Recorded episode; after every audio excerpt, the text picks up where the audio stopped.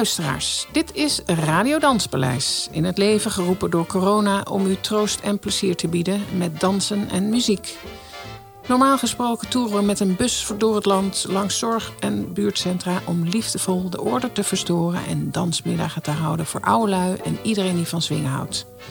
Want dansen en muziek bieden soelaas voor alle leeftijden en in alle situaties omdat we elkaar niet meer op onze gebruikelijke ontmoetingsplaatsen in zorgcentra en huizen van de wijk kunnen treffen, doen we dat nu buiten in de open lucht met onze balkondanspaleizen. En ontmoeten we elkaar van een afstandje, maar desalniettemin, intiem en met aandacht in Radio Danspaleis. U luistert naar de muziek van toen en naar de verhalen achter de muziekfavorieten van onze gasten op leeftijd. En in de studio pianist eh, Frank van Bommel, drummer Martin van Leusden en presentatie Suna Duif. In deze aflevering nemen we u mee naar onze bruisende hoofdstad, waar op zaterdag 25 juli de Pride Amsterdam is geopend.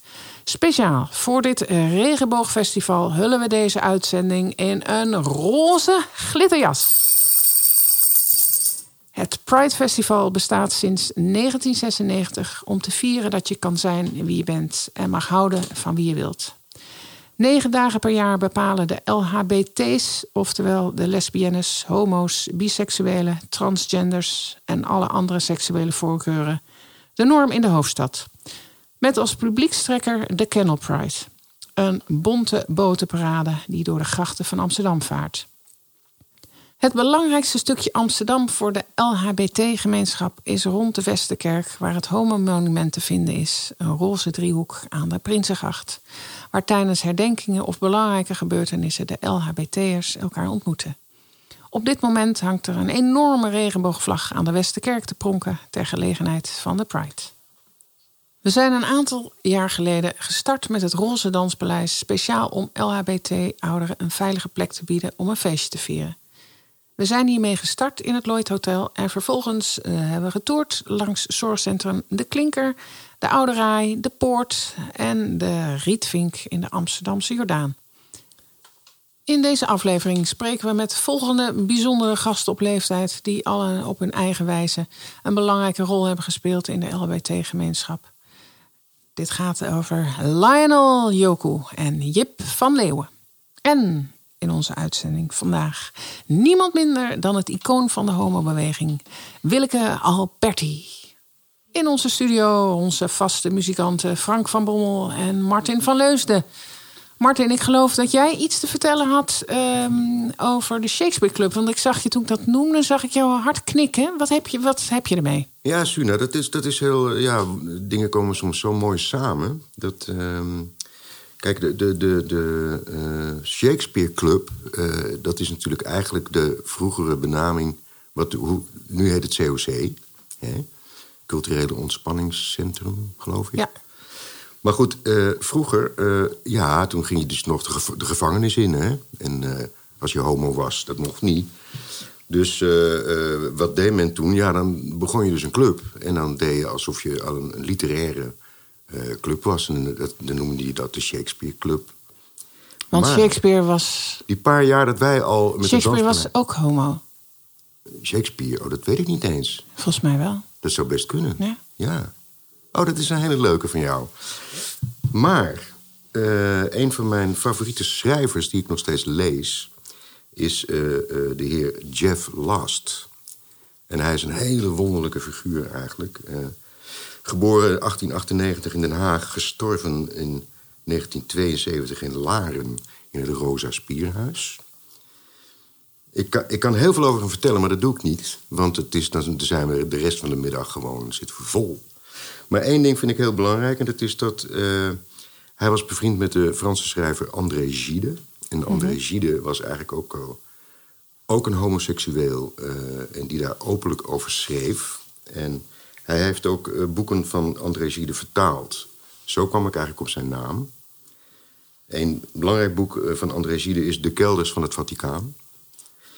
Uh, hij is zelf homoseksueel, heeft het ook uitgebreid heel mooi beschreven in een boek wat Zuiderzee heet.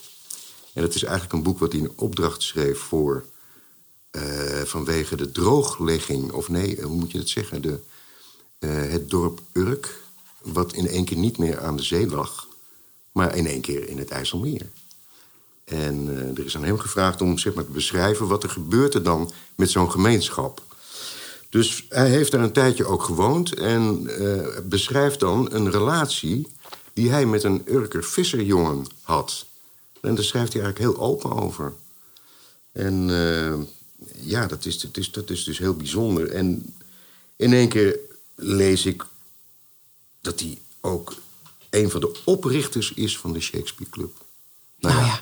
dan is het voor mij dus rond. Ja, Nee. want eh, jij hebt eh, meerdere keer gedraaid hè, met Danspaleis Ja, de ja, ja. Shakespeare Club. Het was ontzettend leuk. Hè? Dan staan we eh, in het Amsterdam Museum op de binnenplaats. De reden waarom ik het leuk vond is natuurlijk... Ja, nou, ten eerste ben ik natuurlijk zelf homo... en voel me heel erg thuis tussen die mensen. Maar het leuke daarvan was eigenlijk dat... eh, omdat het openbaar was... Hè, mensen lopen eigenlijk de Kalverstraat door... en kom je vanzelf in dat museum... Dus er stonden altijd eh, toeristen met van die rugzakjes stonden dan te kijken. Van wat doen ze daar allemaal? De gekke mensen. En, en die mensen die duwden dan eigenlijk gewoon eh, de dansvloer op. Dat vond ik eigenlijk het leukste om te doen. We hebben een, eh, een professionele dansvloerduwer. Ja, absoluut. Dat ja. ben ik. eh, Altijd heel belangrijk. Voor een goed feestje heb je een dansvloerduwer nodig. Ja, dan duw je al die toeristen zo hup de Ja. homo-feesten in. Nou, ik vind het een goed idee. Ik ben benieuwd hoe dat nu gaat, hè, want we gaan het anders doen. En, en hoe, dat, dat gaan we nog zien. Maar we gaan het wel doen. Ja. absoluut. Kijk. Hey, en wat een mooi verhaal. Hoe, geef me nog even de naam van de schrijver. De schrijver heet Jeff Last. Jeff Last. Zuiderzee. Iedereen, iedereen moet maar lekker googlen en zo. Ja. En, eh, Zuiderzee, nu al een, eh, een klassieker voor de Ja. LHBT-gemeenschap. Ik, ja, ik heb meteen al zin om te gaan lezen. Ja, Dus, eh, doen. ja? Ja. Oké. Dan gaan we door naar eh, Frank. Wat heb jij, wat kan jij, kan jij iets vertellen over, want jullie zijn muzikanten, over eh, eh, muzikanten en ehm, nou ja, de roze muzikanten. Wie, heb jij daar iets eh, over te vertellen? Hallo Suna, nou dat is fijn dat je dit zo aanreikt. Want we hebben natuurlijk de vorige keer hebben we het gehad over Little Richard. Die zeg maar als predikant uit de kast kwam. En nou ja, daar hebben we het al over gehad. En er zijn er natuurlijk ook een aantal Nederlanders die, eh, die ook gewoon fantastische muziek hebben gemaakt. Een van, van mijn favorieten is Ramses Shaffi. Ja, natuurlijk. Een van de grote bekenden. Ja. En eh, Martin, welke eh, roze muzikant ken jij? Nou ja, dan noemen we meteen Johnny Jordaan. Hè? Dat vind ik dus ook een, een fenomeen eigenlijk. Eh, en vooral over wat hij dus gezegd heeft en gedaan heeft. Ja, dat is een mooie uitspraak, toch? Ja, dat, dat, dat, dat, dat, kan ik, dat blijf ik maar herhalen. Dat vind ik zo goed. Hij zei, eh, ik, ja, ik kan het niet helpen, want God heeft me zo gemaakt. En dat vind ik wel heel mooi voor iemand die zeg maar, in de jaren 50, denk ik, van de vorige eeuw... uit de kast kwam. Dat was niet, niet makkelijk, zeker niet. Dus ja, dat vond ik wel, dat, ja, dat, dat zal ik altijd onthouden. Dat vind ik heel bijzonder dat hij dat zei. En er zijn er natuurlijk meer. André van Duin hebben we natuurlijk. Wat hebben we nog? In binnen, Wim binnen, Sonneveld. Wim Sonneveld.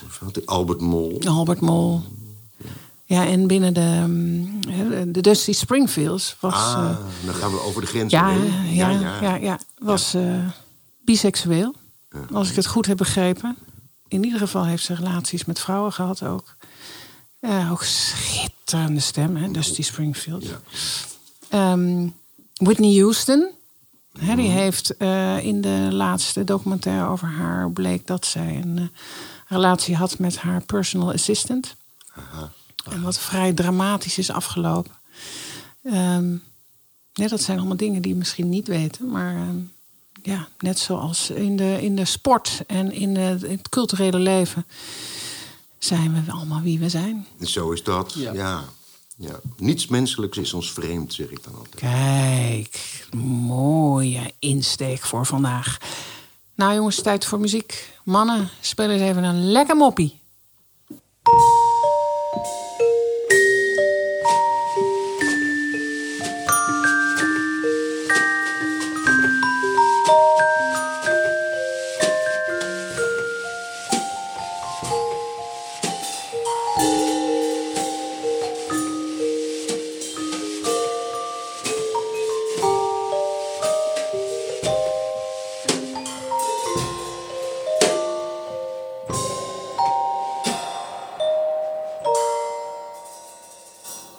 Jeetje, wat, uh, dank jullie wel. Wat, wat een mooi instrument voor dit nummer.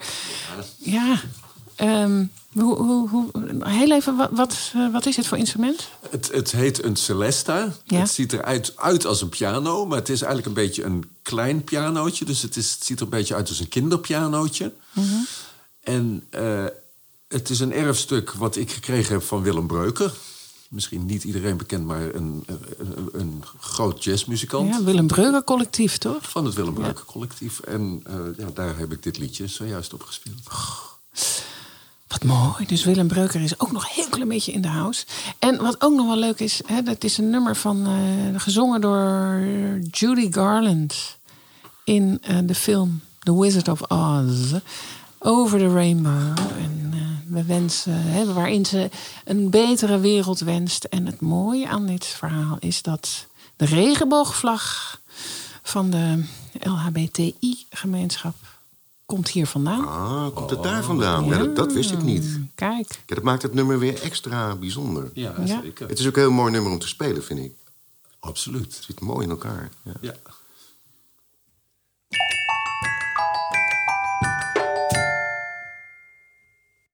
Willeke Alberti, zangeres en actrice, 75 jaar, geboren te Amsterdam. Bijna overbodig om de geschiedenis van Willeke Alberti op te lepelen, want wie kent deze niet? Maar vooruit, om het geheugen op te frissen. Willeke Alberti is opgegroeid midden in de Amsterdamse Jordaan en kreeg de, kreeg de liefde voor muziek met de paplepel ingegoten. Als elfjarig meisje beleefde ze haar tv-debuut met een rol in een musical en kort daarna maakte ze haar eerste plaatje, een duet met haar vader, de bekende zanger Willy Alberti, die we in het Danspaleis regelmatig draaien. Haar carrière nam hierna een duikvlucht. Vele solo-hits volgden, waaronder Morgen ben ik de bruid en Samen zijn. Maar ook op tv schitterde ze regelmatig als actrice en presentatrice. Willeke heeft een sterke band met de roze gemeenschap en sloot de Gay Pride dikwijls af met een muzikaal optreden en deed de opening van de Gay Games in 1998 in Amsterdam. Ze is dit jaar 75 jaar geworden, oma van maar liefst acht kleinkinderen en toert door het land als een kwieke tiener.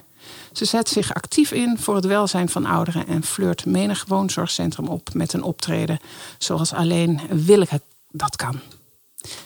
Willeke. Hoe is nou, het? Nou, ja. Hoe Ja. is het met je? nou ja, ik mag niet mopperen. Nee? Maar, maar ik doe het de hele dag eigenlijk. Nee hoor, het gaat hartstikke goed. Ik ben, ben gezond, hoop ik, eh, zover als ik weet. En eh, verder ben ik weer druk bezig om allerlei optredens weer door te laten gaan. Hoewel die angst natuurlijk toch wel, wel een beetje nog bij heel veel mensen aanwezig is. Maar ja, ik, wat dat betreft eh, heb ik eh, natuurlijk nog jonge kinderen die, die allemaal goed voor me zorgen. En ik heb zelfs twee kleinkinderen die eh, al, al bijna dertig zijn. En ja, die zorgen ook voor me. Dus ik, ik, heb, en ik heb ongelooflijk veel vriendjes en vriendinnen. Die hebt het goed voor eh, elkaar. regelmatig komen hoor. Dus eh, wat dat betreft, ik kom, kom eigenlijk niks tekort. Ik mag echt niet, niet mopperen. Goed. Nee. Fijn om te horen. Dat is ook het voordeel Ja. van zo'n groot gezin. Dat je ehm, veel mensen hebt die eh, voor je zorgen en om je geven. Nou, dat is hartstikke fijn. Ehm, nou, hebben we het, gaat het over de, de Pride, deze uitzending. Althans, het heeft een Ja. roze kleur gekregen. En ik heb een vraag. Hoe is het gekomen dat je icoon bent geworden van de homobeweging? Oh jeetje, dat is me vaak gevraagd. Wat heb je met, met onze, ja, onze mensen? Ja, het is eh, eigenlijk gekomen, denk ik, al als een heel jong meisje. eh, had ik eh, een ongelooflijke lieve oom. En die oom, dat is eh, Johnny Jordaan. En ik heb natuurlijk vanaf het begin meegemaakt dat hij toen, nadat hij 25 jaar of 12,5 jaar getrouwd was, dat hij ja, toch naar buiten toe vertelde dat hij voor, voor de mannen was. En eh, ja, daar ben ik mee opgegroeid. En ik, was een van de leukste mannen die ik ooit in mijn leven ontmoet heb. En daarom zing ik ook nog steeds zijn, zijn repertoire. Wat, wat was er zo leuk aan hem? Wat sprak je zo aan? Hij was zichzelf. Hij was puur. Hij was, uh, hij was wie hij was. En uh, bovendien was hij een waterman. En dat ben ik ook. Dus uh, ja, we hadden een ongelooflijke klik met elkaar. En tot het einde toe. Hij is ook op al mijn bruiloften geweest. En dan maakte hij het feest. En mm. Omdat mijn vader nooit uh, altijd even blij was met mijn keuze voor mijn echtgenote, maar hij wel. En hij was er dan. En dan maakte hij het feest, hoe moeilijk het ja. ook was. Met, maar mijn vader uh, en hij, ja, dat waren ook twee, het waren eigenlijk ja, twee neven. Ja. Maar wel met dezelfde opa's en oma's.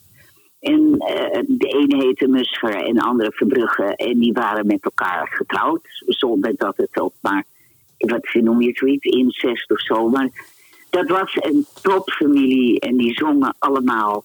En dat is, ja, dat is een familie waar je, dat is alleen maar het leukste ja. wat je kan gebeuren als kind. Dat ja. je in een familie terechtkomt die allemaal zingen. Nou. Vandaar ja. dat mijn leven ook absoluut een, een, een lied is, uh, zo langzamerhand. Wat heerlijk. Een maar, muzikaal nest. Maar dit, dat is absoluut het begin geweest van, van ja. dat ieder mens gewoon mag zijn wie hij wil zijn. En, en, wat, en kan, je nog, ook, kan je herinneren wanneer je voor het eerst gevraagd bent? Om iets te doen voor de, te zingen voor, tijdens een uh, homo-event? Ja, dat, dat zou ik niet weten. Ik, ik weet alleen dat voor mij is het altijd gelijk geweest. Uh, iedereen is voor mij... Uh, ik hou van mensen. En, en, ja, en vooral de, de, de, de, ja, de roze zien is voor mij... Dat zijn mensen waar ik me heel erg bij uh, lekker bij voel. Ja. En, en, Eigenlijk kunnen we concluderen dat ja, als homo-icoon dat we dat te danken hebben aan Johnny Jordaan.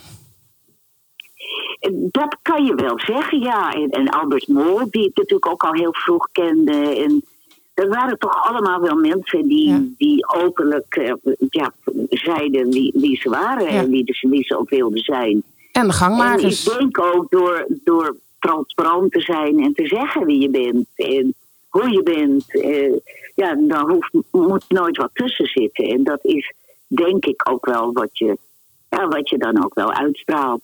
Um, even een vraag, um, want he, ik noemde het net al in het voorstukje dat je um, ook voor ouderen zingt. Kun je daar iets over vertellen? Hoe is dat gekomen? Nou ja, voor ouderen zingen, het zijn niet alleen ouderen. Het zijn ook mensen met een beperking of mensen uit de psychiatrie. Mm-hmm. Waar ik uh, al jaren eigenlijk ja, al, al voor gezongen heb, ook samen met mijn vader. Dus dat zit er eigenlijk zit dat in, in onze genen om, ja, om te zingen voor, voor, voor ook mensen die, uh, ja, die, die het slechter hebben dan, dan wie dan ook. Mhm. En dat is natuurlijk wel weer gebleken in deze tijd hoe hard wij die zorg nodig hebben van Mhm. alle verzorgenden. En, en dat, ja, heel gelukkig ben ik vorige week mocht ik weer beginnen. En dan merk je ook hoe ik het gemist heb. En Mhm. dat dat zo bij mijn leven hoort. Om, je- om, ja, om te zingen. En, en het liefst ja, met, met z'n allen. En eh, samen zijn. Wat het toch steeds een prachtig lied blijft. Wat voor iedereen is. Want iedereen wil samen zijn. Ik geloof niet dat er mensen zijn die, die er echt voor kiezen om helemaal alleen te zijn. Want dat, ja, ja, dat vind ik, vind ik echt helemaal niks aan. Mhm. Dan ben ik, eh, ik ben geen mens om alleen te zijn. Mhm. Daar word ik ontzettend blij van. En ik doe alleen nog maar dingen waar ik blij van word. Mhm. En ga met mensen om waar ik blij van word. En dat is, eh, dat is een boekje wat ik ineens kreeg van iemand. Toen ik in, in een diep zit, wat, wat je natuurlijk altijd wel eens hebt. Ja. En, en dat, ja, dat gaat erom dat je, dat je gewoon zelf kan bepalen eh, dat je, dat je dingen doet waar je, waar je blij van wordt. En ook, ja, en ook dat geldt ook met mensen zijn waar je blij van wordt. En dat kan, want dat bepalen we allemaal zelf. Mhm. Ja, dat is zo heel makkelijk gezegd, maar het, het helpt absoluut om dingen die niet leuk zijn, om die te proberen weer, weer leuk te maken. En, eh, Ik- en eigenlijk heb ik dat altijd wel gedaan. we gaan even terug naar de muziek. Ehm, Ja, Want we zijn eh, nieuwsgierig. Wij vragen eh, eh, de artiesten: wat was de favoriete muziek van uw vader of moeder? En welke herinnering roept dat op? ja dat, mijn leven was een en al muziek. ik, werd, ik werd 's morgens wakker van, van Frank Sinatra, van ja, alle, alle soorten muziek. Spaanse muziek, eh, Luis Miguel. eh, ja, dat daar. Maar er is zoveel wat ik, waar ik, wat ik lekkere muziek vind. En dat En- is ook heel veel Nederlandse muziek. En- En wat he- is, Maar- is specifiek wat u herinnert eh, aan uw vader of moeder, wat, hè, waar ze naar luisteren, waar ze zelf helemaal door vervoerd raakten?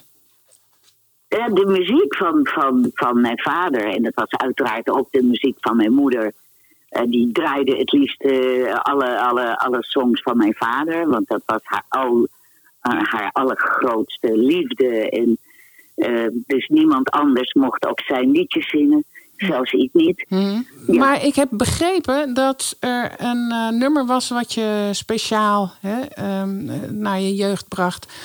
En dat was het nummer van Frank Sinatra, wat je net ook noemde, Something Stupid. Ja, dat, dat, dat was natuurlijk ontzettend leuk. Dat, eh, dat eh, Frank Sinatra zong dat met zijn dochter, Nancy. En eh, dat is toen vertaald. En toen heb ik dat samen met mijn vader gezongen, Something, something Stupid. En mijn vader noemde het altijd het achterlijke zinnetje. Ik hou van jou. En dan, ja, dat, dat zong hij dan. En dan moesten we weer heel vreselijk lachen. Maar dat is wel. Het, de liedjes die ik samen met mijn vader gezongen heb, die zijn me ook, ook onvoorstelbaar dankbaar. Het heet het afgezaagde zinnetje. Het afgezaagde Dat was een zinnetje. vertaling van Something Stupid. Ah. Wat, wat Frank Sinatra zong Ja. met, met, zijn doch, met zijn dochter. En kan je, kan je daar nog iets van zingen? Of ben ik nu... Eh, dan moet ik even denken hoor. Eh, ik naar mooie zinnen over liefde. eh, als ik denk aan jou. En dan zong mijn vader altijd dat achterlijke zinnetje. Ik hou van jou. Vind ik wel. Maar ja, dat, was. eh, hij- ja, dat was, oh, hij was zo leuk. was zo'n leuk man. ja, en ja. Wat, en wat was er leuk? Hij. Ja, ja, ja. want je Hoe gaf moet net- je dat nou beschrijven? Dat, dat, dat, dat- wij waren meer dan vader en dochter. Het was mijn allerdierbaarste vriend. Het was mijn, eh, mijn maatje. Het, het was eh, de opa van, van mijn eerste kindje. En, en hij heeft ze helaas niet allemaal mee mogen maken. Maar ja, mijn vader was. eh, Ja, dat is denk ik ook het moeilijke in mijn leven. Dat hij is eigenlijk de leukste man in mijn leven altijd geweest is. Mhm. Had jij een favoriet nummer ehm, van je vader, wat jouw vader zong? Ja, want die heeft natuurlijk heel veel gezongen. Wat, wat was jouw favoriet als, die, als je vader eh, zingend onder de douche stond? eh, eh, of eh, eh, Ja, tijdens dat- de afwas of, of gewoon hè, optredend. Wat, is er een favoriet? Dat je zegt, van, als hij dat zong, dan... Ja, nee, dat, dat is Il Nostro Concerto. En, want het betekent ons concert waar we elkaar altijd weer terugvinden. En, en dat, daar mee. Dat Nou, dat vind ik wel- nummer. Dat vind ik een mooi cirkeltje. Hè? Het mooiste concert waarin we samenkomen. Dan heb je het over jou en je Waar vader. Maar, elkaar altijd weer vinden, Ja. waar dan ook. en ook Ja. in het samen zijn. Hè? Wat, je, wat je in Arnhem, eh, hè, dat je elkaar ook weer vindt in de muziek. Ja, Ehm, ja.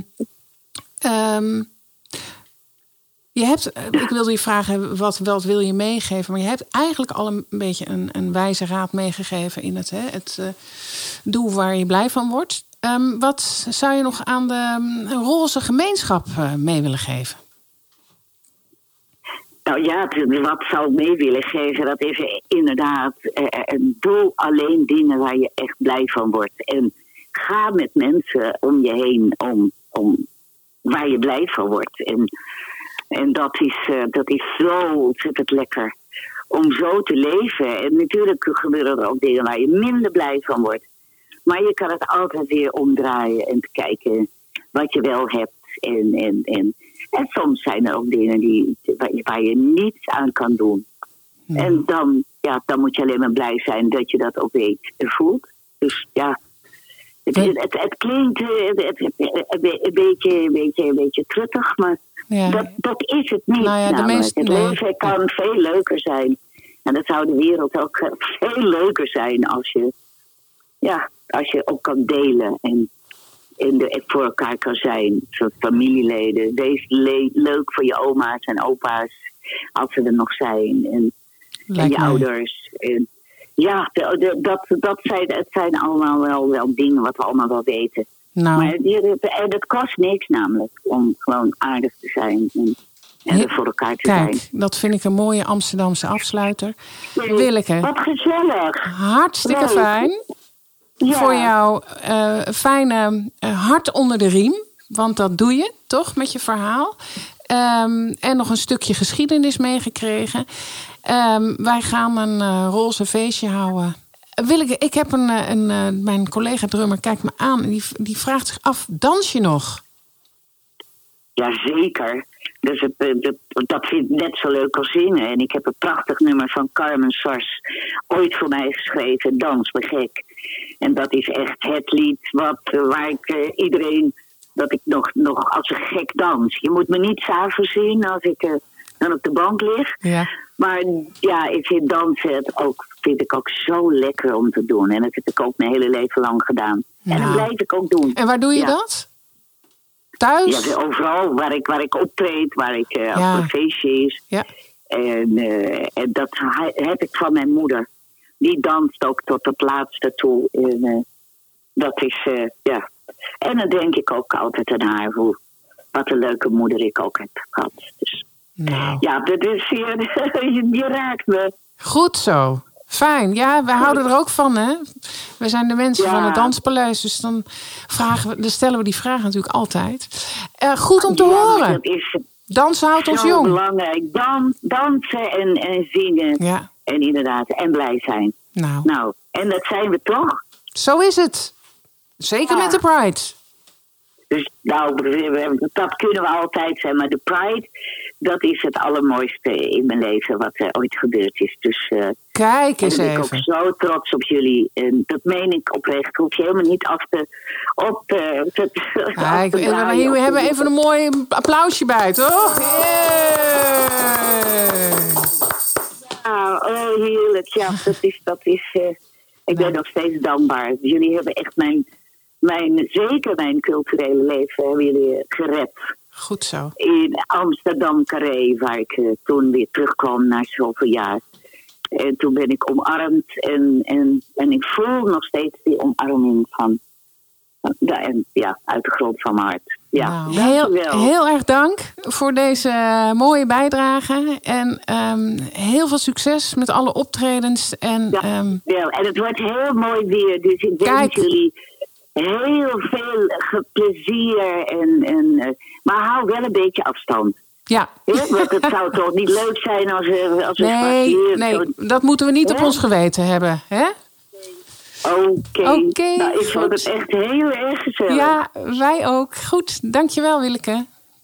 Succes met alles. Nou, na dit eh, mooie gesprek met eh, Willeke Alberti... gaan we door naar het nummer Something Stupid... gezongen door eh, Frank Sinatra en Nancy Sinatra. Oftewel, dat achterlijke zinnetje... ik hou van jou.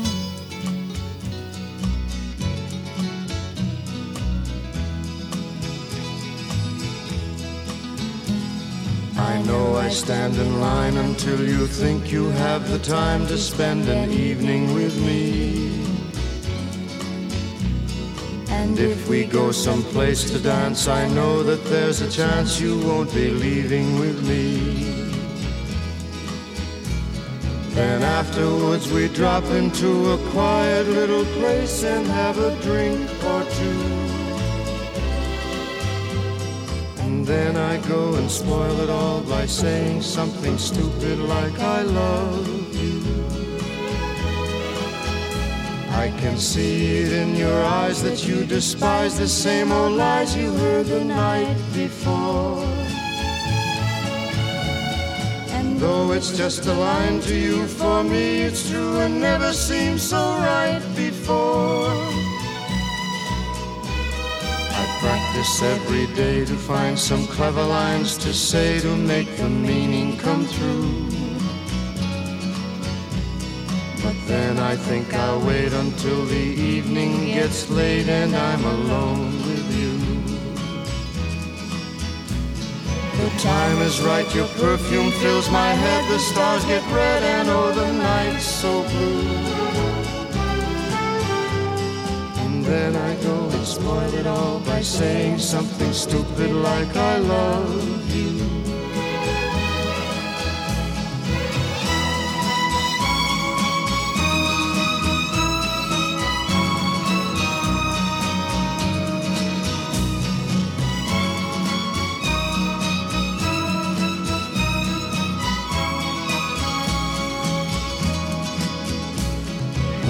Time is right, your perfume fills my head, the stars get red, and oh, the night's so blue. And then I go and spoil it all by saying something stupid like I love you.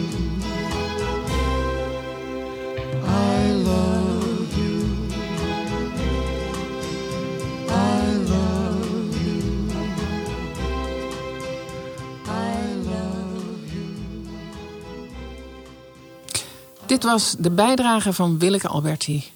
Frank en Nancy Sinatra. Something Stupid.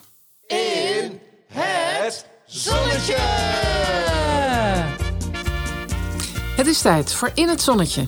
U bent net 100 geworden, heeft een thuisdanswedstrijd gewonnen... of als u in de buurt bent, gaan spontaan de vogels zingen. Uw radio is zojuist gestolen of u mist uw dierbaren om u heen. Tijdens In het Zonnetje worden mensen die een zonnetje verdienen... of hard kunnen gebruiken, in het zonnetje gezet. Vandaag in het Zonnetje. Alle 18 bewoners van Rozeneiland, de regenboogafdeling van het Dr. Servati-huis in het centrum van Amsterdam. Medewerkster Bianca van Welzijn uit het Servati-huis vertelt ons. Op dit moment wonen er 18 bewoners in de leeftijd van 49 tot 97 jaar op onze afdeling, uit alle lagen van de LHBT-bevolking. Zoals bijvoorbeeld een bewoner die actief is geweest bij het COC in een andere stad. Toen bij hem dementie geconstateerd werd, wilde hij per se niet in die stad naar een verpleeghuis, omdat hij bang was dat hij daar herkend en belaagd zou worden als die poot van het COC. Dus hij woont bij ons. Weer een andere bewoner is begin jaren 70 transgender pionier geweest. En vergeet onze bekendste bewoner niet, die inmiddels is overleden, Ramses Shaffi. Het zijn LHBT'ers die bij ons gewoon kunnen zijn wie ze zijn. En ook in het zonnetje de bewoners van de Rietvink. Een huis met veel aandacht voor de roze bewoners, waar we altijd met veel plezier draaien en genieten van de bewoners en het betrokken personeel, zoals Cas Kemna, die zorg draagt voor de roze bewoners in het huis in de Jordaan. Voor deze bewoners komen gerbera's uit alle kleuren van de regenboog de kant op van Dr. Servatihuis en de Rietvink. Het nummer dat we draaien voor de roze bewoners van het Dr. Servatihuis en de Rietvink is een nummer dat getrokken is door Bianca van het Dr. Servatihuis. Want die heeft namelijk bij de bewoners favoriete nummers opgevraagd... die allemaal op papiertjes zijn geschreven. Ze heeft vervolgens het loodje getrokken en het nummer dat eruit kwam... is Rita Hovink met Laat Me Alleen. Nou kennen we de uh, roze gemeenschap als een flamboyant en uitbundige gemeenschap... maar laten we er niet overheen lopen dat er soms ook heel veel verdriet achter zit... om niet te kunnen zijn wie je bent... Er zijn ook ouderen die weer teruggaan in de kast in zorgcentra... omdat ze zich niet meer veilig voelen, omdat ze gepest worden. Um, bijvoorbeeld de foto van hun um, geliefde weer omdraaien... omdat ze visite krijgen. En bij deze heeft het ook af en toe een treurige noot. Dus we mogen ook een beetje meehuilen met Rita Hovink. Laat me alleen. Bij deze een hart onder de riem voor alle ouderen die dat nodig hebben.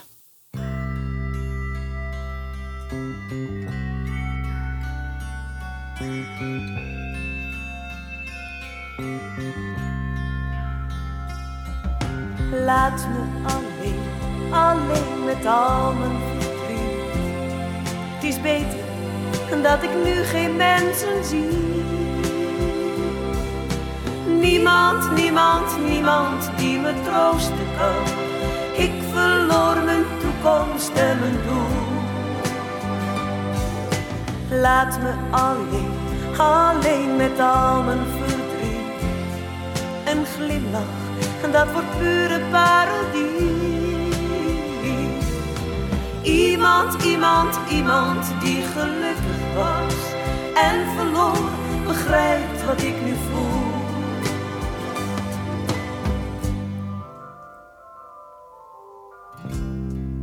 Daar staat zijn laatste glas wat sigaretten, zijn laatste boeket. En ik voel zijn hand op mijn schouder en zijn stem. Alles komt wel weer goed. Maar dat kan ik niet geloven. Want dit afscheid was heel anders dan voorheen. Dit was definitief. Ik ben nu alleen. En hem had ik zo lief.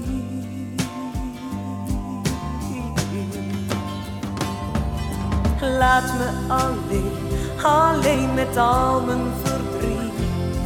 Het is beter dat ik nu geen mensen zie. Niemand, niemand, niemand die me troosten kan. Ik verloor mijn toekomst en mijn doel. Laat me alleen, alleen met al mijn verdriet. Een glimlach, dat wordt pure parodie. Iemand, iemand, iemand die gelukkig was en verloor, begrijpt wat ik nu voel.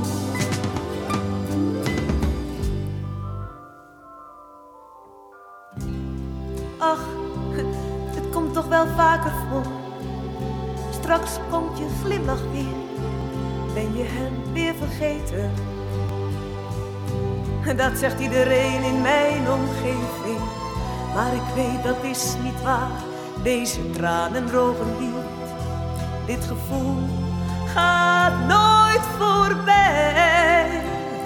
Want verdriet om echte liefde is te zwaar om mee te dragen. Want hij houdt niet meer van mij. Laat me alleen, zeur niet tegen mij. Ik mis hem, de wond is nog te vers. Als ik alleen ben, voel ik hem dichtbij.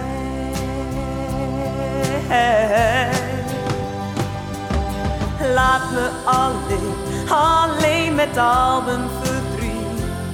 Het is beter dat ik nu geen mensen zie. Niemand, niemand, niemand die me troosten kan. Ik verloor mijn toekomst en mijn doel. Laat me alleen, alleen met al mijn verdriet. Een glimlach, dat wordt pure parodie.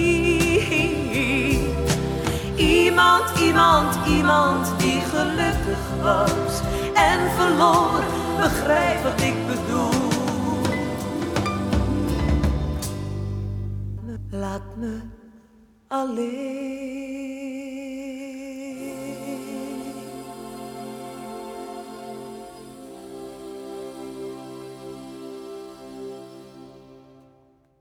Dit was Rita Hovink met Laat me alleen. Als u iemand weet waar u denkt om eh, op te geven, of wilt u uzelf opgeven, stuur dan een mailtje naar info.hetdanspaleis.com. Wie weet komt u dan in onze volgende aflevering van Radio Danspaleis.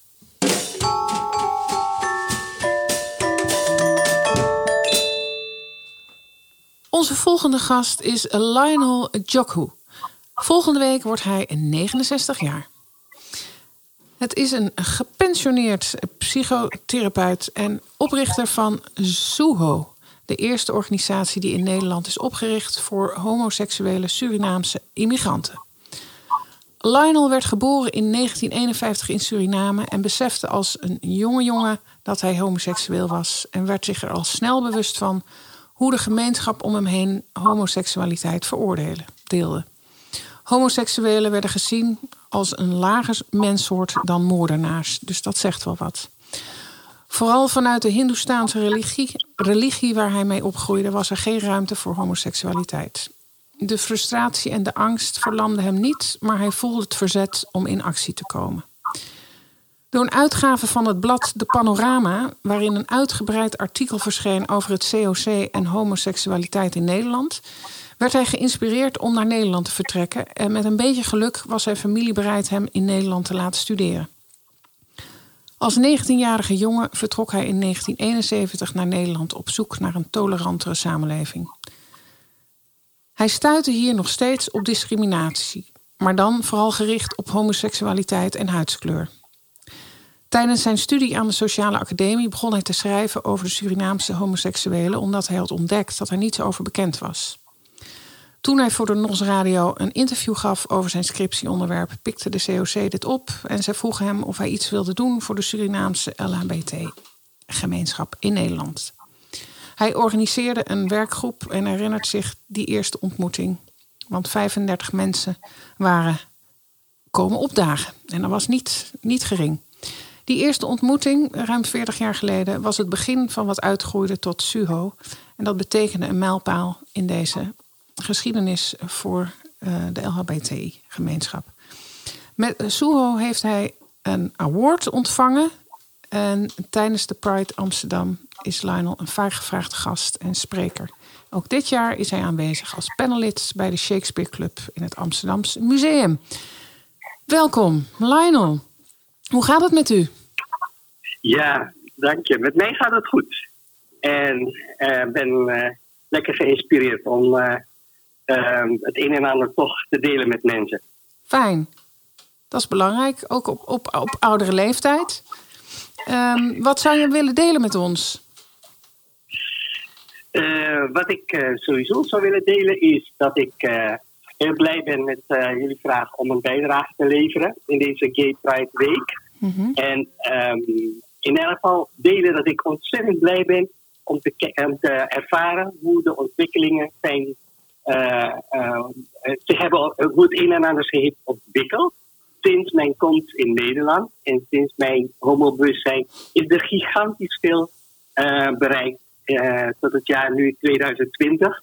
Uh, heel veel veranderingen, heel veel positieve veranderingen, maar wel met het besef dat we er nog lang niet zijn. En dat we op allerlei fronten nog heel veel werk te verzetten is. Dat is wat ik graag wil delen met mensen. Van, er is veel bereikt veel positiefs, maar is mag ik, daar meteen, mag, ik, mag ik dan meteen vragen, wat is er bereikt? Sinds de, uw hè, komst in Nederland tot aan nu, wat is er bereikt? Wat er bereikt is, is dat we nu in 2020 in elk geval uh, allerlei positieve ontwikkelingen zien. Een van de mooie dingen wat ik nog net nu weer mee ben geconfronteerd, is dat online, dus dat is 30 juni geweest, 2020, uh, een grondwetswijziging uh, door de PvdA, D66 en GroenLinks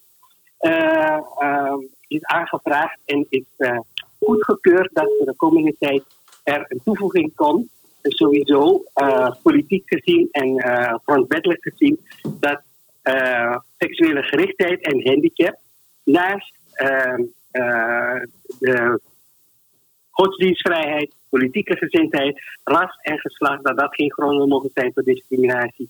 Dat dat nu aan toegevoegd wordt. Dat is een van de officiële dingen waar ik nu sowieso blij mee ben.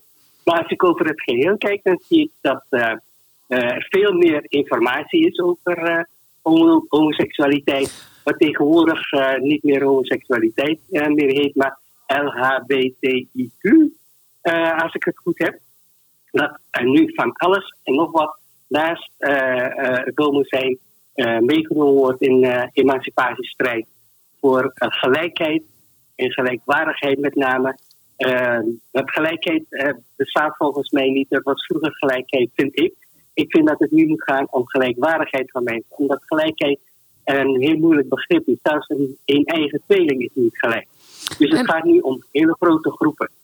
Oh, dus de, de hè, ik, ik vind het ook heel lastig soms van, en dan zeg ik dan LHBT, LBTI.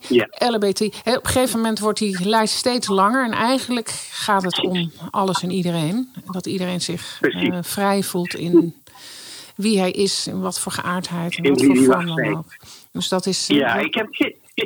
Mag ik, mag ik vragen even terug? Hè? Want je, je, je, je, bent. Eh, er is nog een, niet niks wat je hebt doorgemaakt. Hè? Uit je verhaal blijkt dat, dat, dat je bent een weerbaar mens. Um, het is niet, niet niks wat voor weerstand er allemaal uh, op je af is gekomen. Um, kun je daar iets over zeggen? Want je, het is voor de luisteraar misschien goed ook om te vergelijken. Waar, waar begon het mee? Hoe is dat? Je kwam in Nederland en toen? Je, je dacht aan een tolerante samenleving. Je bent uit, hè, uit Parimaribo, als ik me niet vergis, ben je um, naar Nederland gekomen. Waar, waar de sfeer uh, grimmig was rondom homoseksualiteit. Uh, ja. Naar Nederland gekomen. En wat, wat trof je aan en wat gebeurde er toen? Ik heb uh, toen in 1971 al snel toen ik in Nederland was, uh, die panorama die ik mee had genomen in mijn koffer en onder mijn arm met het adres van het COC, heb ik na een paar weken al gebeld met het COC om eventueel voor informatie. Ik kom terecht bij het COC in Den Haag. En die zat in een discotheek een paar keer in de week dat de mensen van het COC daar waren. En daar zou ik die informatie kunnen krijgen. Mm -hmm. En ik ben er toen naartoe geweest en ik kwam in een discotheek terecht waar uh, mannen met elkaar dansen. Nadat ik eerst tien keer, misschien wel meerdere keren, voor de deur op en neer had gelopen. Omdat ik angstig was en niet mhm. wist wat ik allemaal uh, tegen zou komen. En wat er daar binnen allemaal gebeurde achter gesloten deuren van zo'n discotheekcommuniteit. Mm En uh, daar ben ik toen geweest en ik zag dat dat de wereld was waar ik inderdaad een beetje op gehoopt had. De vrijheid om jezelf te kunnen zijn een mannen onderling die ook uh, met elkaar intiem konden zijn. Dat is wat ik trof. Ik heb toen uh, ben ik best wel een paar keer behoorlijk uit geweest, maar ik wilde ook meer. Toen las ik in de krant dat um, HIG, H-I-G-H, dat is de Haagse Interactie voor Homofiele Jongeren, werd opgericht. Mm -hmm. en, en die wilde ook gaan werken aan de emancipatie van jongere homo's in Nederland en in Den Haag. Ik heb me daar toen aangesloten en Um, al gauw merkte ik dat uh, de emancipatie zoals hier in Nederland al behoorlijk op gang was gekomen. Mm -hmm. Dat ik daar uh, me, geen aansluiting mee voelde, omdat ik uh, in, vanuit een taboe situatie nog steeds te maken had met de, de, taboes bij de Surinamers. Om het met, met, na, met name de Surinamers om me heen. Mm -hmm. En dat ik daar me niet thuis voelde. En ik wilde dat toch graag voor elkaar zien te krijgen.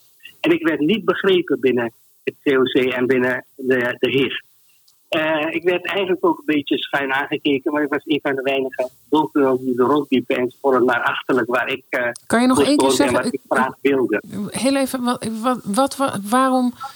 Ik verstond je niet helemaal. Uh, waarom Nee. keken ze met een schuin oog naar jou? Hè? De, de, enerzijds had je de, de, hè, de Surinamers in Nederland waar je niet door begrepen werd. En Ja. je had je aangesloten bij de jongerenbeweging van het COC. En die keken met een schuin oog naar jou. En waarom? Omdat ze het achterlijk vonden dat ik me nog druk maakte over mijn familie en over eh, de taboes die er heersten eh, binnen de situatie waar ik uitkwam. Dat begrepen ze allemaal niet. Omdat ze hier maar eh, hameren van coming out. Je moet uitkomen voor je homoseksualiteit. Je hebt recht en je hebt dit gedaan. Daar eh, liep het een beetje. Dus eh, ze, ze hadden zoiets van: doe even, doe even eh, hè, kom op, doe niet zo moeilijk. Precies. terwijl jij gewoon die, die, die aantal stappen nog door moest maken. Klopt dat? Precies. Ja, dat klopt helemaal. Dat is, dat is wat er aan de, gang, aan de hand was in die, in die periode. En ik voelde geen aansluiting meer. En op een gegeven moment Ehm, het was zo rond 1975 met de onafhankelijkheid van Suriname dat er een hele, eh, heel veel Surinamers toen geïmigreerd zijn naar Nederland. En die hebben al die eh gedachten en eh, hun ideeën over homoseksualiteit kwam ook gewoon mee natuurlijk. En daar botste ik, liep ik tegenaan. En ik voelde me ehm, ehm, behoorlijk nog steeds niet begrepen door, eh, door de Surinamers. Maar ik hoor, eh, in die periode is het tussen 1985 en 1980, zeg maar, een behoorlijke eh hetze geweest tegen de nieuwkomers hier, de Surinamers hier. Die waren destijds toen de gebeten, want er was heel veel discriminatie van Surinamers die hier, hier toen zich vestigden. Ik had dan te maken met een dubbele eh, discriminatie, mijn gevoel. Eh, en in mijn beleven. Ik werd gediscrimineerd als Surinamer, maar ook als homo binnen de Surinaamse gemeenschap. En ik werd niet begrepen hier. Dus dat heeft me behoorlijk aan het denken gezet. En ik heb toen in 1980 een, eh, een scriptie toen geschreven als eindexamen een stuk voor eh, de studie die ik toen volgde. Met de titel Homofielen uit Suriname, een vergeten groep in de Nederlandse samenleving. Dat is toen opgepikt. En is dat radioprogramma waar je het al eerder in de introductie over had, eh, is er een interview met me geweest. En dat is toen de reden geweest om de SUHO, de Surinaamse homogroep, op te richten. Wat, ze- En- wa- wat mij opvalt en wat ik eh, zo bijzonder vind, is dat eh iets zegt van ik heb eh, het had te maken met dubbele discriminatie. En toen zei je dat heeft Ja. me aan het denken gezet. Hè, wat misschien een heleboel Ja. mensen zouden in de put raken en denken: nou, hè, ik denk, dacht dat ik naar het beloofde land kwam en eh, ook hier voel ik me niet. Eh, erkend of gekend. En dat heeft je aan het denken gezet en je hebt er een scriptie over geschreven. Hè, dus dat, Ja, dat, klopt. dat, ehm, nou ja, dat, dat kenmerkt wel een strijdbaar persoon, lijkt mij. Nou, ik, ja, ik moet eerlijk ook toegeven dat ik eh, in plaats van gefrustreerd en in een depressie en eh, in een put terecht kwam, dat het me juist heeft gesterkt. En me ehm, eh, actief heeft gemaakt om daartegen ehm, in opstand te komen. En het heeft me power gegeven, om het maar even zo te zeggen. Wat mooi. Want dat is opgepikt door het COC. Hè, jouw scriptie Ja. Heel, nou, het scriptieonderwerp. Of door het eh, NOS, eh, sorry. Ja, het NOS-interview hebben ze toen eh, ruimte aangeboden. Dat wij daar bij elkaar zouden kunnen komen. Dat is één of twee keer gebeurd. En ja, ik vind het eh, best wel eh, lastig om het te benoemen, maar het moet benoemd worden. We werden toen na de tweede keer dat we in het COC-gebouw waren, ook daar gediscrimineerd. En toen werd er ook gezegd van, wat doen die zwarten hier? Hm. En eh, we hebben toen eh, onze bies gepakt en zijn daar eh, toen weer vertrokken. En omdat we een vrijwilligersbeweging nog waren in oprichting, hebben we daar geen eh, vaste plek meer voor gehad. En hebben we al die tijd jarenlang bij elkaar thuis de vergaderingen en bijeenkomsten gehouden. Maar het, is, eh, het heeft ons niet gehinderd om eh, de SUHO tot een eh, enorme grote bloeitijd hebben meegemaakt. Met feesten waar honderden mensen op afkwamen. Voorlichtingsbijeenkomsten. We hebben manifestaties bezocht met uh, over voorlichting voor, over homoseksualiteit. Ook bij Brazzaville, dat was een soort Surinaamse grote manifestatie in Utrecht destijds. Hebben we ook met een steentje gestaan. Ik heb daarna met de mensen van de CIVO heb ik de eerste zwarte homo voorlichtingsfilm, de Matisma heet dat, heb ik toen met de mensen kunnen maken. Dus we hebben toen een bloeitijd gehad. En uh, uh, helaas is dat uh, uh, op een gegeven moment kwam een grote klap door het hele AIDS-epidemie, wat er toen uitbrak. En waar de homo's de schuld van kregen. Er is toen ontzettend veel angst geweest. En de SUR is in die periode ook door allerlei interne problemen, want ook binnen de SUHO begonnen wat zaken op te spelen van onderlinge uh, discriminatie. Want er was uh, de Hindustanen en er waren de Creolen en er waren de Japanen en er waren de Chinezen die allemaal hun eigen achtergronden hadden. En we moeten elkaar ook op dit punt nog gaan vinden. Daar waren we terug weer beter. Blijkt toch altijd weer ja. ingewikkeld, hè? Dus het is toch wel een, heel, heel ingewikkeld. een, een lange ja. strijd die je voert. Um, ja. Wa, maar wat? we zijn wel, wel, wel uh, gestopt in die, of in die tijd. Is de Suho een beetje in slaap gevallen, zou ik maar zeggen. Winterslaap. Maar we hebben wel, eh, in die tijd zijn er een heleboel andere groepen bij ons, eh, die zijn gaan ook aangesloten en die zijn doorgegaan. Een Turkse groep, Chinese groep, eh, Hmm. een Marokkaanse groep. Die zijn gelukkig in die loop van de jaren daarna, hebben die dat ook opgepikt. En die, die bestaan gelukkig nog steeds een aantal van ze. Hier in Den Haag sowieso de Rainbow. En er zijn in Amsterdam ook nog allemaal groepen die, eh, die eh, in, elk geval de strijd hebben voortgezet. Mooi. En hier, even nog terug te komen op je eerdere vraag. Van wat zijn eh, nou de positieve ontwikkelingen? Als ik zie dat er Ja. vrouwenvoetbal eh, nu ook mogelijk is. Als ik zie dat eh, eh, bij de politie roze in blauw eh, eh, eh, mogelijk is. Dat er allerlei wettelijke regels nu ook zijn die eh, ons beschermen. En net wat ik noemde, die ehm, eh, eh, artikel 1 van de grondwet. Dat die ook aangepast gaat worden. Dat het niet een tolerante iets is, maar dat het een recht is wat eh, niet meer afgepakt kan worden. Dan kan ik alleen maar blij zijn. die blijdschap eh, die delen we natuurlijk. Ehm, en wat je eigenlijk ook aangeeft is dat binnen die eh, homogemeenschap heb je natuurlijk al die, al die subgroepen. En daarvoor krijg je dat LHBTIQ. Hè, je kan maar doorgaan. Ehm. Wat je aangeeft, hè, je, gaat, je strijdt voor de Surinaamse homogemeenschap. En vervolgens eh, zijn er ook vrouwen die een, een rechten, eh, voor een rechten strijden. Dan krijg je de Chinezen, de Koreanen. Dat, dat kan zo doorgaan. Ehm, Ja. Dus het zijn de subgroepen binnen de subgroep, zeg, ik- zeg ik Ja. maar. ehm, die eh, voor zichzelf opkomen. Ehm, Ja. wa- je gaf net aan, eh, er, is een, er zijn een aantal dingen bereikt. Nou ja, die, eh, die grondwet waar je het net over had, is natuurlijk ook een belangrijke. Waar, wat, waar is nog voor te vechten? Is er nog iets om voor te vechten? Ja, er is nog veel voor te vechten. In elk geval, eh, die, eh, eh, dat onderscheid en al die subgroepen, diversiteit moet er zijn.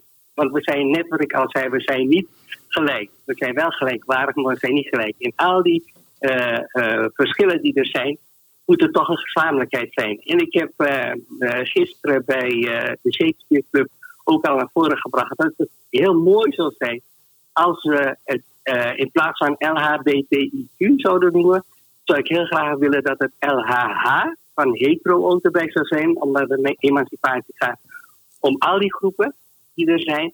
En ik zou het eh, geen, eh, geen lange naam meer met al die afkortingen, afkortingen willen hebben, maar dat we het gewoon een mensualiteit, want het gaat om mensheid. Mens is het enige ras wat het is. Al die andere dingen zijn allemaal subgroepjes en onderscheiding, maar we zijn met z'n allen, is er maar één ras. En dat is het menselijke ras. Daarom zou ik het een mensualiteit willen noemen, in plaats van al die, al die afkortingen.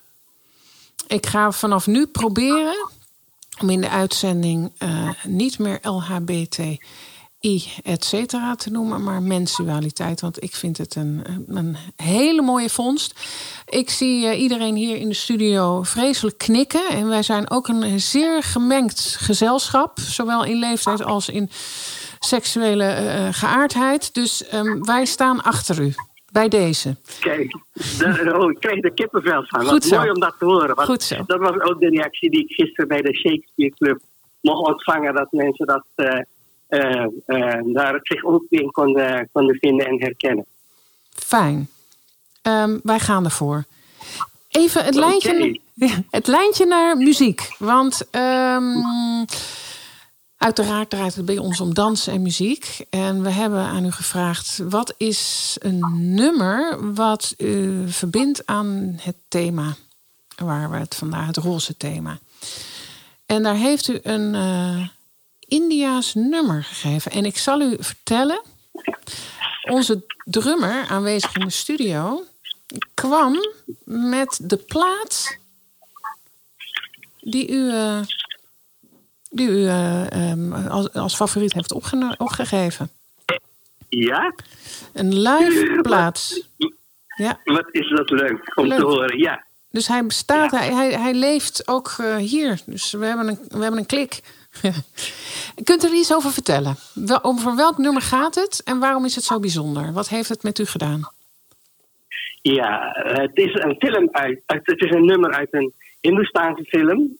Destijds was ik grote fan van Hindoestaanse films toen ik in Suriname was. Het is een film uit 1964. En het eh, vertelt het verhaal van twee eh, eh, jonge mannen die een zwerversbestaan leiden. De ene was blind en de andere was kreupel, om het maar zo te zeggen. Die liep op krukken. En ze hadden elkaar toevallig gevonden.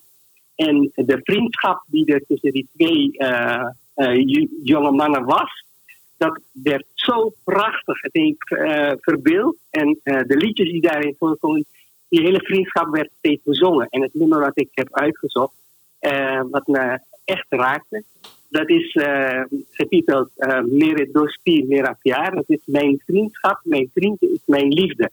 En die film laat in de hele loop van, van het verhaal de intensiteit zien van hoe, eh, hoe verbonden twee mannen ook met elkaar kunnen zijn. En alleen het seksuele ontbrak eraan, zal ik maar zeggen. Wel, die had ik er ook bij, willen hebben, maar dat kwam in het verhaal niet voor. Dat was wat me zo raakte, dat ik eh, in die tijd eh, heel veel herkenning in zag van hoe je twee mannen, of het nou twee mannen of twee vrouwen waren, wel ook van elkaar zouden kunnen houden. Wat mooi. Ik zie Vandaar ook dat het zo raakt.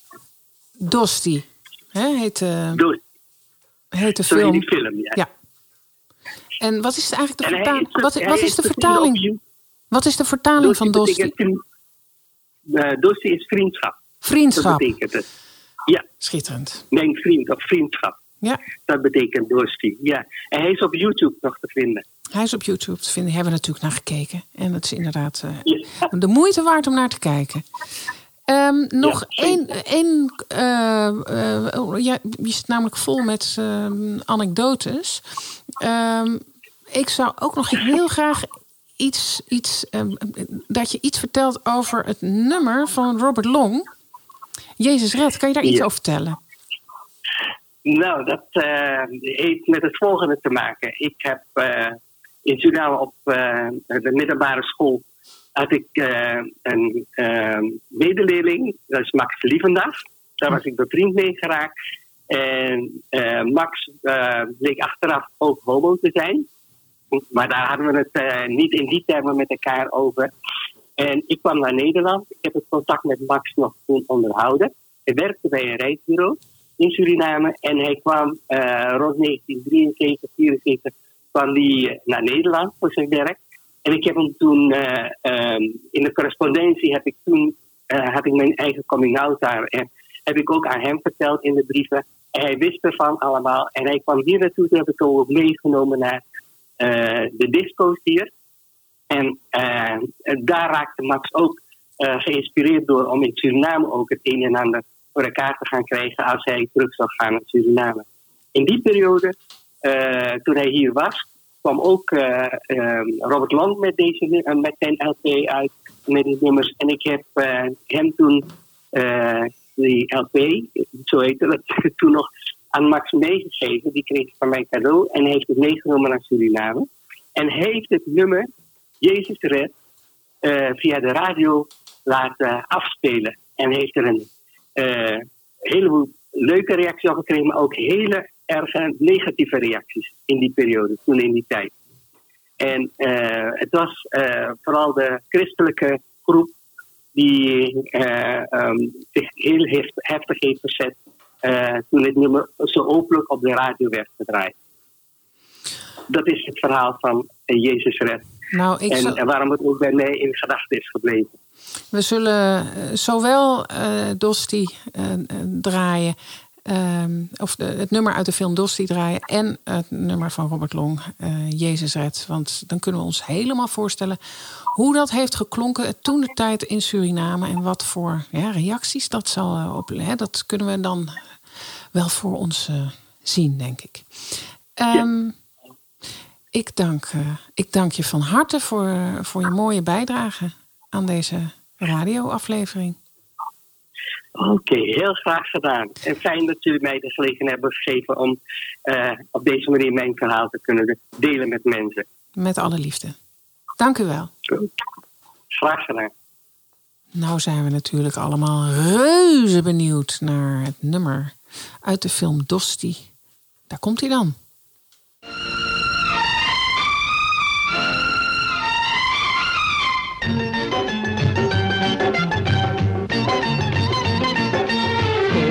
जब राह न पाए, मेरे संग आए, के पग पग दीप जलाए। मेरी दोस्ती, मेरा प्यार, मेरी दोस्ती, मेरा प्यार। कोई जब राह न पग पग दीप जलाए। मेरी दोस्ती मेरा प्यार। मेरी दोस्ती मेरा प्यार।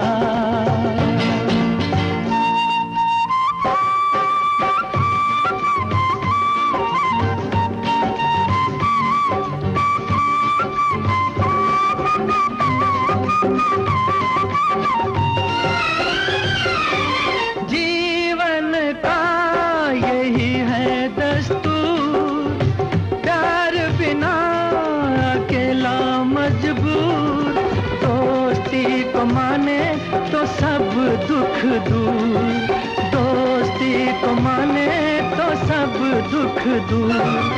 कोई काहे ठोकर खाए, मेरे संग आए, के पग पग दीप जलाए। मेरी दोस्ती मेरा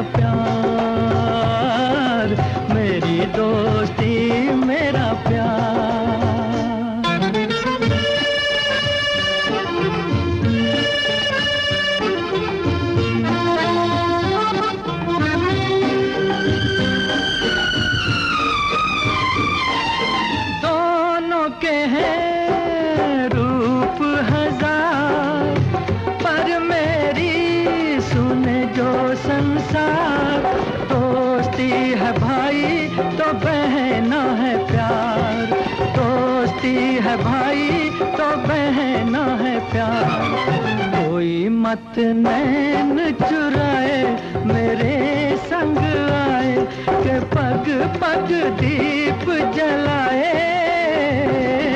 मेरी दोस्ती, मेरा प्यार।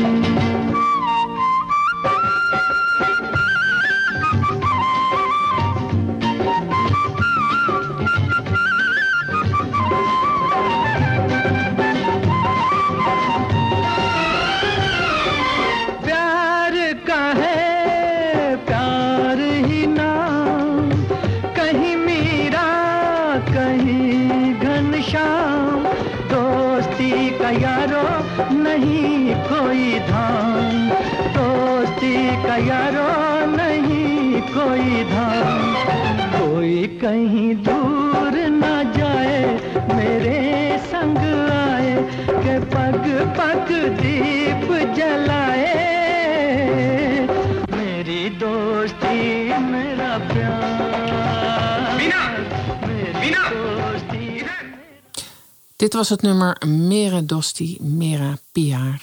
Ik hoop dat ik het goed uitspreek uit de Indiaanse film Dosti. Goed, we zijn klaar voor de muzikale interpretatie van eh, Martin van Leusden en Frank van Bommel.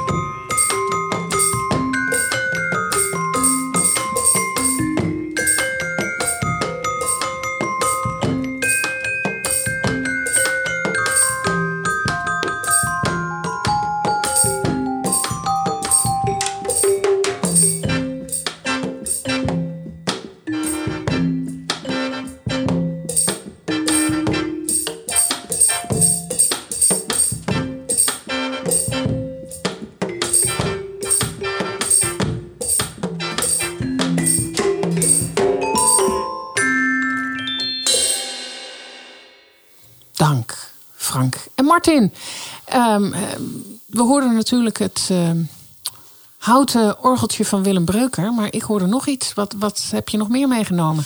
Ik heb deze binnen. eh, onlangs heb ik hem gevonden. Het ziet eruit als zeg maar een, een, veel bamboestaven bij elkaar. Eigenlijk een beetje zoals eh, in Peru de eh, panfluit spelen. Alleen hebben ze deze iets anders gemaakt. Hij komt uit Laos.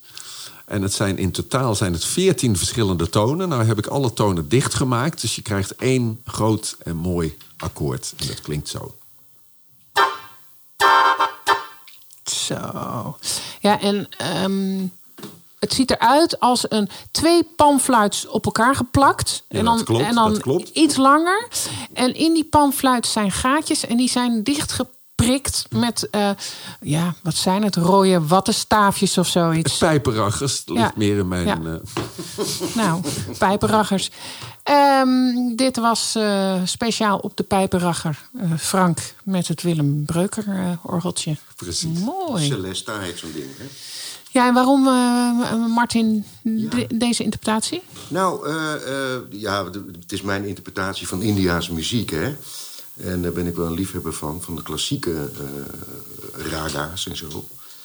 Maar eh, dat is natuurlijk ook eh, ge- verpopulariseerd, als ik het zo kan zeggen.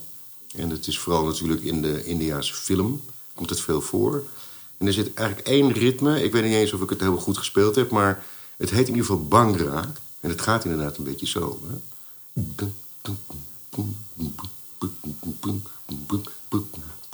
Ja. Ik heb meteen zo'n lekkere. Hè? Dan wil Ja. je meteen met alle belletjes Ja, en zo. ik herken en- het. Je, Ja, jij hoor, ook helemaal. Ja, ja. Nou, Oh, ja, dat, eh, dat is het dus. En we noemen het dan maar Bangra. kijk. Ja. Fijn, dankjewel. Mijn muzikale bijdrage voor Lionel is, ja, hoe kan het ook anders? We willen hem natuurlijk nu horen. Jezus red, Robert Long. Het christendom op aarde kwam en ieder mens het recht ontnam om zo te leven als hij dacht dat goed was. En heel de aardkorst dik bevlekt met bloed was. Werd het meteen de hoogste tijd dat heidenen na zware strijd door legers door de kerk geleid van hun cultuur werden bevrijd. Dat hield men eeuwenlang in stand. Vol liefde werd de rechterhand van dieven, slaven, kinderen en vrouwen. Als zij een misstap deden afgehouden.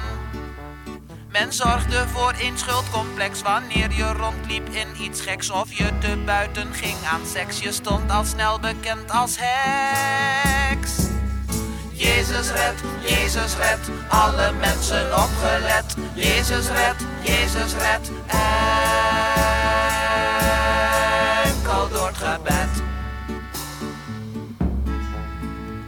Soms wordt een land vol hongersnood bezocht door weer zo'n vrome kloot die steeds dezelfde oude kool komt stoven.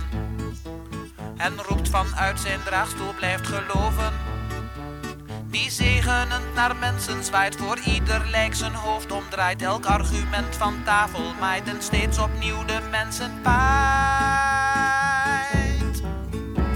Al jaren gaan er stemmen op voor pil en voor geboortenstop, maar Rome weigert steeds om te beperken. Dat zou de zedeloosheid maar versterken. Elk recht wordt u nog steeds betwist en seks blijft steeds de antichrist. Hij die door zijn orgaan slechts pist, heeft steeds voor duizenden beslist. Jezus red, Jezus red, alle mensen opgelet. Jezus red, Jezus red, enkel door het gebed. Maar kijk, men is veranderd, want Rooms-Katholiek en Protestant begonnen toch hun greep wat te verliezen. Men moest dus wel een andere koers gaan kiezen. Men was geweldig in zijn sas, want wat ontdekte men al ras toen men nog eens de Bijbel las, dat Jezus ook een hippie was. Kraakt aan alle kanten en grote delen staan in brand. Je zou dus zeggen, helpt het onheil weren. Gehuichel moeten wij de rug toekeren. Maar niets daarvan vergeet het, maar het is Boeddha hier, Jehovah daar. Men draaft getuigend door elkaar en heeft de oplossing al klaar.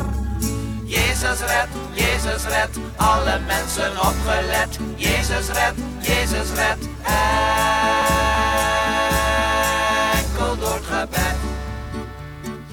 is maar al te waar, helaas, de paus, de kerstman, Sinterklaas. Zij zijn al eeuwenlang de baas en eeuwenlang al even dwaas. Jezus red, Jezus red, alle mensen uit de dood. Jezus red, Jezus red, Jezus uit de goot. Dit was het opruiende Jezus Red van Robert Long. De reactiebox. In de reactiebox box, Irene Hemelaar. Irene Hemelaar is een actieveling in de homogemeenschap. Ze heeft zich ingezet voor de lesbische zichtbaarheid. Was directeur emancipatie van de Amsterdam Gay Pride, zoals het toen nog heette. Zingt zelf voor ouderen met haar duo Wilde Orchidee. Organiseert mezingavonden in Café Serijn en heeft meerdere keren gezongen in het Roze Danspaleis. Hallo Irene. Hallo Suna. Goedemiddag. Ja.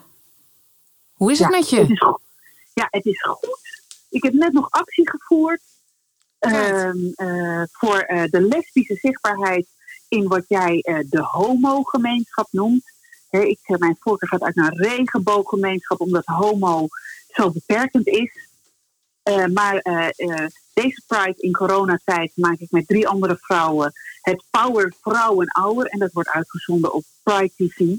En ja, zo, nou, eigenlijk net als met deze podcast, proberen we er toch iets moois van te maken met elkaar. En wat is, ehm, wat is jouw boodschap in het Power Hour? De, de, de boodschap van het Power Vrouwen Hour is enerzijds het zichtbaar maken van die ontzettende diversiteit aan vrouwen die we in onze community hebben, eh, waar nog lang niet altijd eh, ruimte voor is. Het is toch vaak homo-mannen wat de klok slaat, ook in tv-programma's, et cetera. Ook nu in deze Pride. Dus eh, zichtbaarheid, maar ook elkaar ontmoeten. En, en ook hè, onderling elkaar ontmoeten, zien wie er allemaal actief is. Dus, en, en onderwerpen bespreken die eh, ons allemaal aangaan. Ehm, eh, nou ja, een moeilijke term eh, die wel gebruikt wordt is intersectionaliteit of kruispuntdenken. Hè, dus niet alleen maar denken over eh, je eigen geaardheid of identiteit, maar ook bijvoorbeeld eh, hoe het is voor mensen van kleur in Nederland, eh LHBTI'ers of regenboogmensen van kleur. Hoe het, eh, die, die hebben vaak met uitsluiting op meerdere fronten te maken. Bijvoorbeeld dat je een baan niet krijgt omdat je achternaam niet Nederlands klinkt. En eh, dat het moeilijk misschien is in je familie. eh, omdat, eh, omdat je homo of lesbisch of biseksueel bent. Of misschien wel trans. Dus dat, dat er meer naar elkaar geluisterd mag worden. En meer met elkaar gesproken mag worden. Dat sluit wat jij zegt eigenlijk heel mooi aan op onze gast Ni- Lionel Joku, die er vandaag in zat, die eigenlijk hetzelfde zegt, eh, meer met andere woorden. Ehm, dus ik ben, eh, en wij stonden daar ook helemaal eh, achter. Dus eh, mooi dat je deze boodschap weer voor het voetlicht brengt. En dan heb ik meteen een vraag. Heb jij een voorbeeld, want je zegt er zoveel diversiteit, zichtbaarheid. Heb jij een voorbeeld voor iemand waarvan je zegt van nou ja, dit is zo mooi. Iemand die ik even in de spotlight wil zetten, die, mm, die dit be- onderstreept? Ja, nou, ik, er zijn meerdere mensen die ik heel erg belangrijk, die voor mij belangrijk zijn.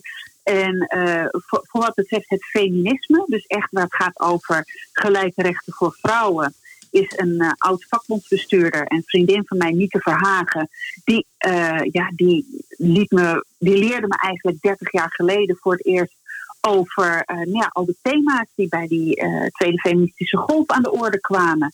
Dus zij is echt een heel belangrijk iemand voor mij. En eh, als je kijkt binnen onze eigen community en mensen die hebben gestreden en nog steeds strijden, dan zijn Joke Zwiebel zijn heel erg, is een belangrijk iemand voor mij. Zij is de organisator voor de, van de allereerste roze demonstratie de, eh, eh, in Nederland in 1969, nog voordat de eerste Pride werd georganiseerd, heeft Joke Zwiebel met medestudenten een, een demonstratie georganiseerd tegen artikel eh, volgens mij 148 bis, die inhield dat homoseksuelen eh, niet met minderjarigen mochten. eh, eh, minderjarigen in de zin van ehm, eh, hetero's mochten relaties hebben van 16 jaar tot en met ouder. En bij homo's was dat op 21 jaar die limiet gesteld. En om die ongelijkheid eh, ehm, weg te nemen. Dat is ook wel Dus, ja, mooi zij- dat je Joke Zwiebel aanhaalt, omdat zij natuurlijk, hoe oud is zij nu? Ze is 80 geworden, als het volgens mij. Ehm, en, eh, en vorig jaar, eh, toen we geen corona hadden, toen was ze nog eh, echt gezellig bij de Meeting Generations quiz. En heeft ze ook gewonnen, want ze wist alles. Want ze weet ook ontzettend veel. Dus het is een, ja, het is een ontzettend leuke, erudite, grappige dame. Die eh, heel veel voor ons heeft betekend. Echt, eh, eh, ja, Mooi dat je die nog even in de spotlight zet. Zeker in ons thema ehm, eh, Pride en, en ook ouderen. Hè? Dus ehm, mooi. Ehm, en even het bruggetje nu naar muziek. Hè? Want jij Ja. hebt, ik heb het net even opgenoemd. Enerzijds ben je actief in de regenbooggemeenschap. En, ehm, en eh, heb je veel met muziek. Eh, kun, je, kun jij iets erover vertellen, ook in, de, in de, hè, met betrekking tot corona? Eh, ja, nou, muziek speelt mijn hele leven al een rol. Bij ons thuis werd op alle verjaardagen gezongen. En ehm, nou, rond mijn dertigste ben ik de liedjes die ik thuis zong, ben ik in verzorgingshuizen gaan zingen. En met mijn duo Wilde Orchidee. En ik zing al 15 jaar in Café Sarijn. En nou ja, met corona moesten alle cafés dicht. En dat is een enorme financiële klap. Mag voor, je, kan, je, eh, kan je even vertellen voor, Ja? voor mij, eh, voor, voor, voor, voor, wat is Café Sarijn? Voor degene die niet Café- weten ja, wat dat is. Ja, eh Sarijn is een, een veilige plek al nou, meer dan 40 jaar voor vrouwen. Eh, toen het café geopend werd, was het nog zo dat als je als vrouw een hetero-bar inging en je ging dan bijvoorbeeld met je verkering, die ook een vrouw was, dan, eh, nou, dan was het eh, gewoon als een man je aansprak met: Zijn jullie alleen? Nee, we zijn met elkaar. Eh, maar dat was niet altijd even veilig. En nou, het vrouwenhuis en het vrouwencafé waren plekken waar je dus onder ons kon zijn. En, en gewoon kon zijn. Dat je niet altijd je bezig hoefde te houden met kerels waarvan je niet wilde dat ze aan je zaten. Of waar je geen belangstelling voor had.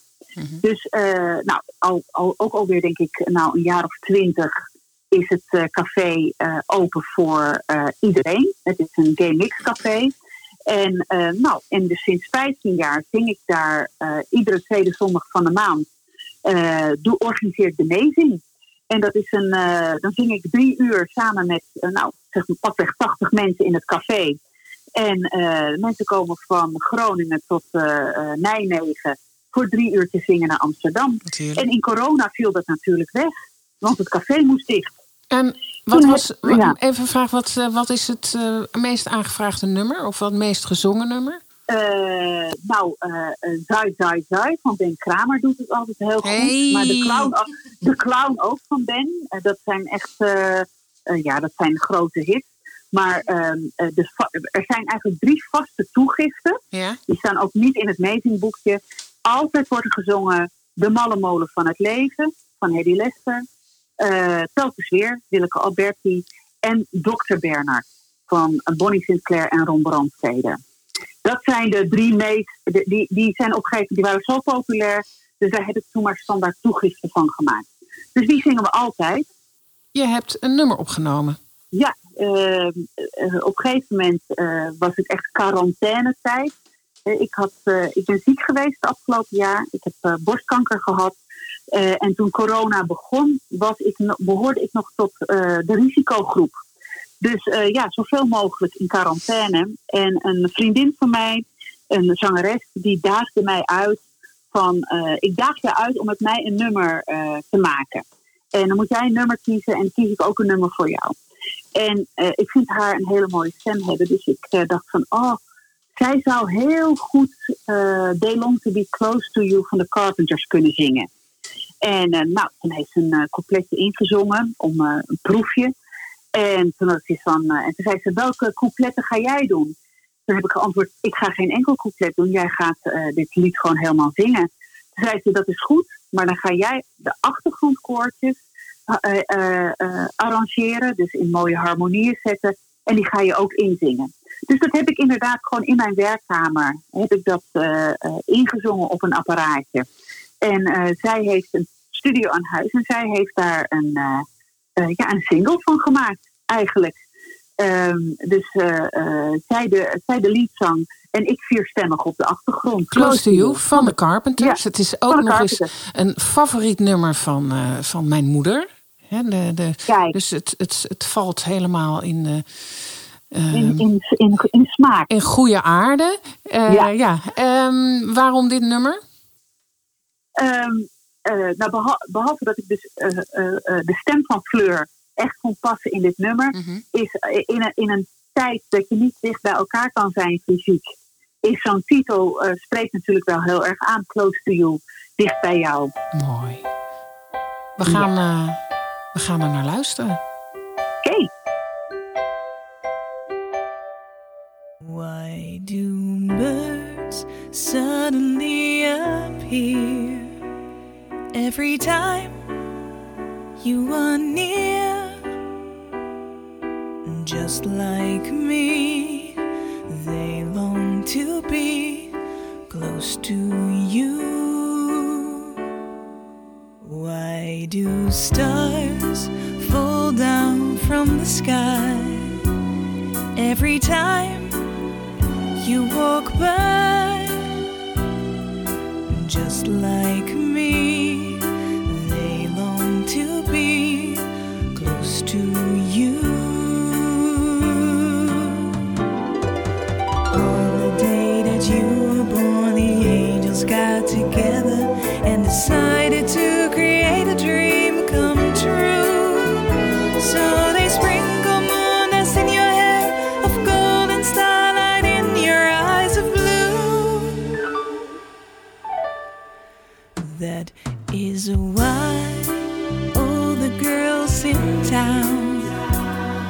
follow you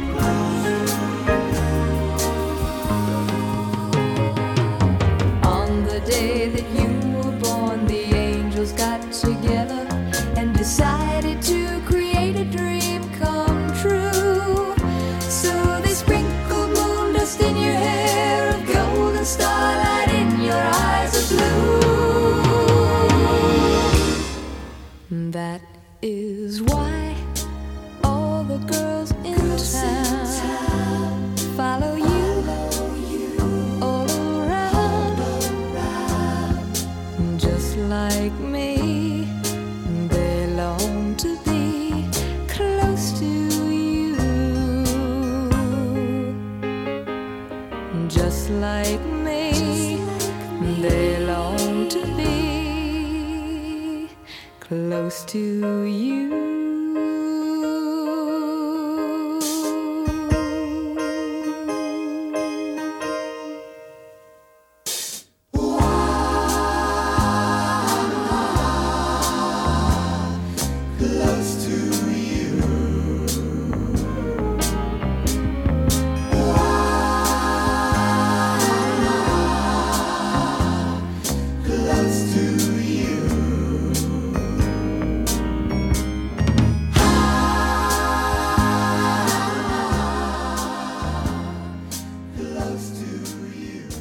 Dit was Close to You van de Carpenters.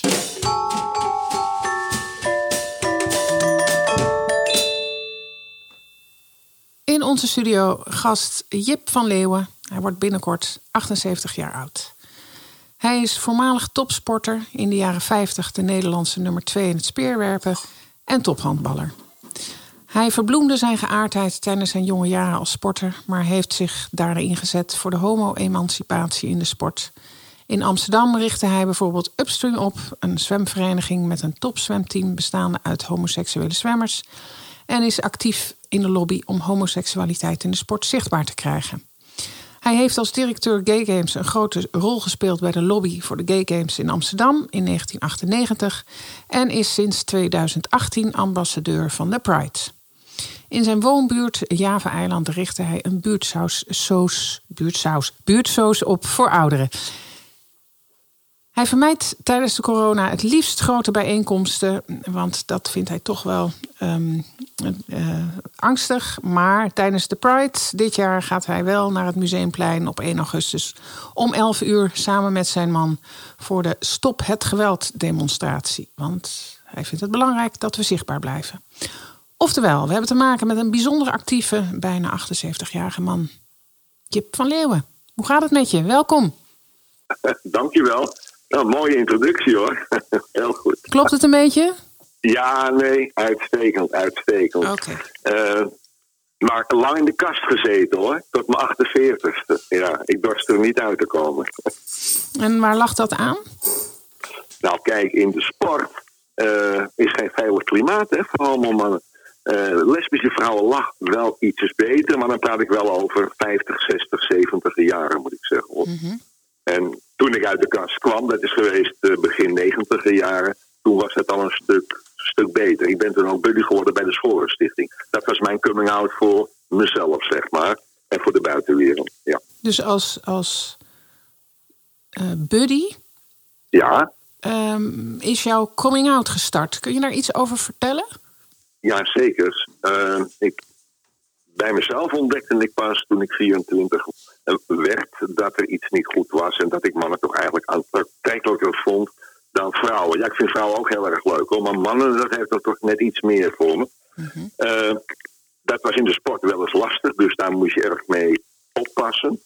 Eh, zeker als trainer zijnde van, van mannenhandbalteams. Ik ben trainer geweest. Was dat lastig. Eh, eind 80 jaren speelde enorm het AIDS-verhaal. Ik eh, was gelukkig niet besmet. Ik verloor een beetje iedereen om me heen. Mijn moeder overleed, mijn vader overleed. Zelfs mijn goudvis ging dood. Ja, lach niet. Ik heb zitten huilen in de, in de douchecel toen. En toen dacht ik, ik moet iets gaan doen. En toen heb ik me aangemeld bij de Schorenstichting om buddy te worden. Ik dacht, als ik ziek was geweest, had ik hulp nodig gehad. Ik draai het om. Ik ben niet ziek, ik ga hulp geven. En ik heb me aangemeld en ik ben buddy geworden. En dat was mijn coming out, ja.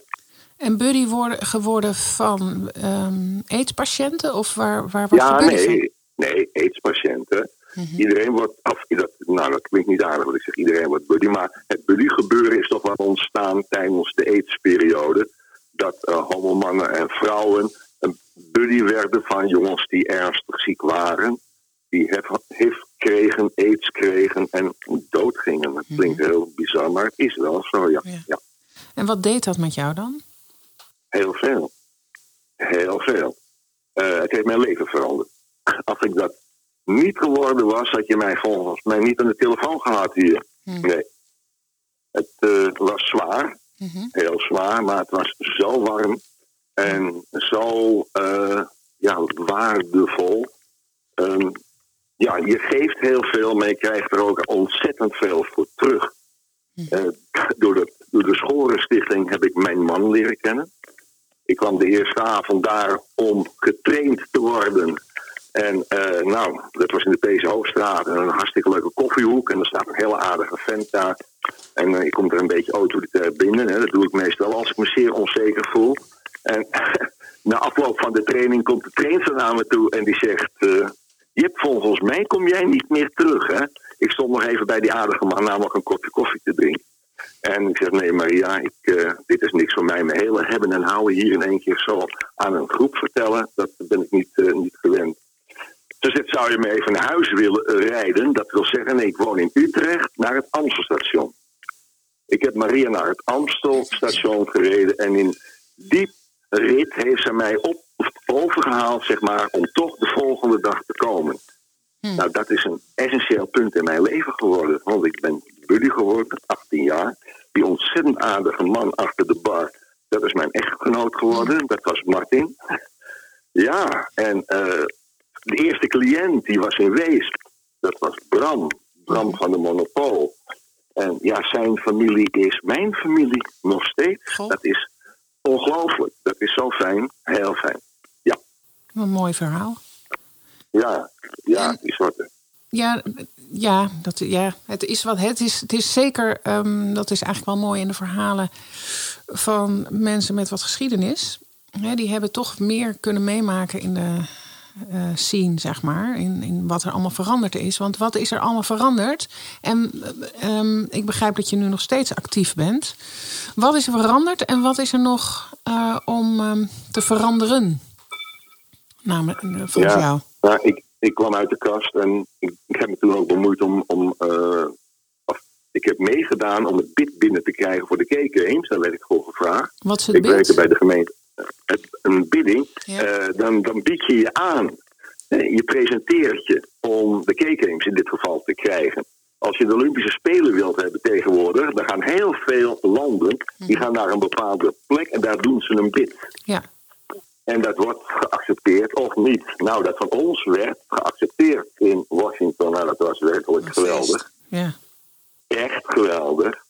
En eh, ja, toen, toen kwamen die, die K-games eraan. En daar ga je dan helemaal, ga je daar dus in, eh, ga je dus helemaal in op. Daar ga je helemaal in mee. En men zegt ook altijd, je bent uit de kast gekomen.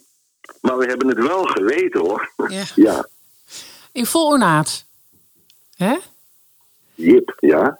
In vol ornaat ben je uit de kast gekomen. Oh, in vol ornaat, ja, kan je wel zeggen, ja. Ik dacht, je zei je voornaam. Nee, oké, vol ornaat. Ja, nou, Ja. dat is meteen duidelijk voor iedereen. Jip is je ja. voornaam. en dan zeggen ze altijd Jip en Janneke. Ik zeg, nee, in dit geval Jip en Jan. Oh, ja. En dan kleur ik nog ineens. Dat zou ik vroeger nooit gezegd durven hebben.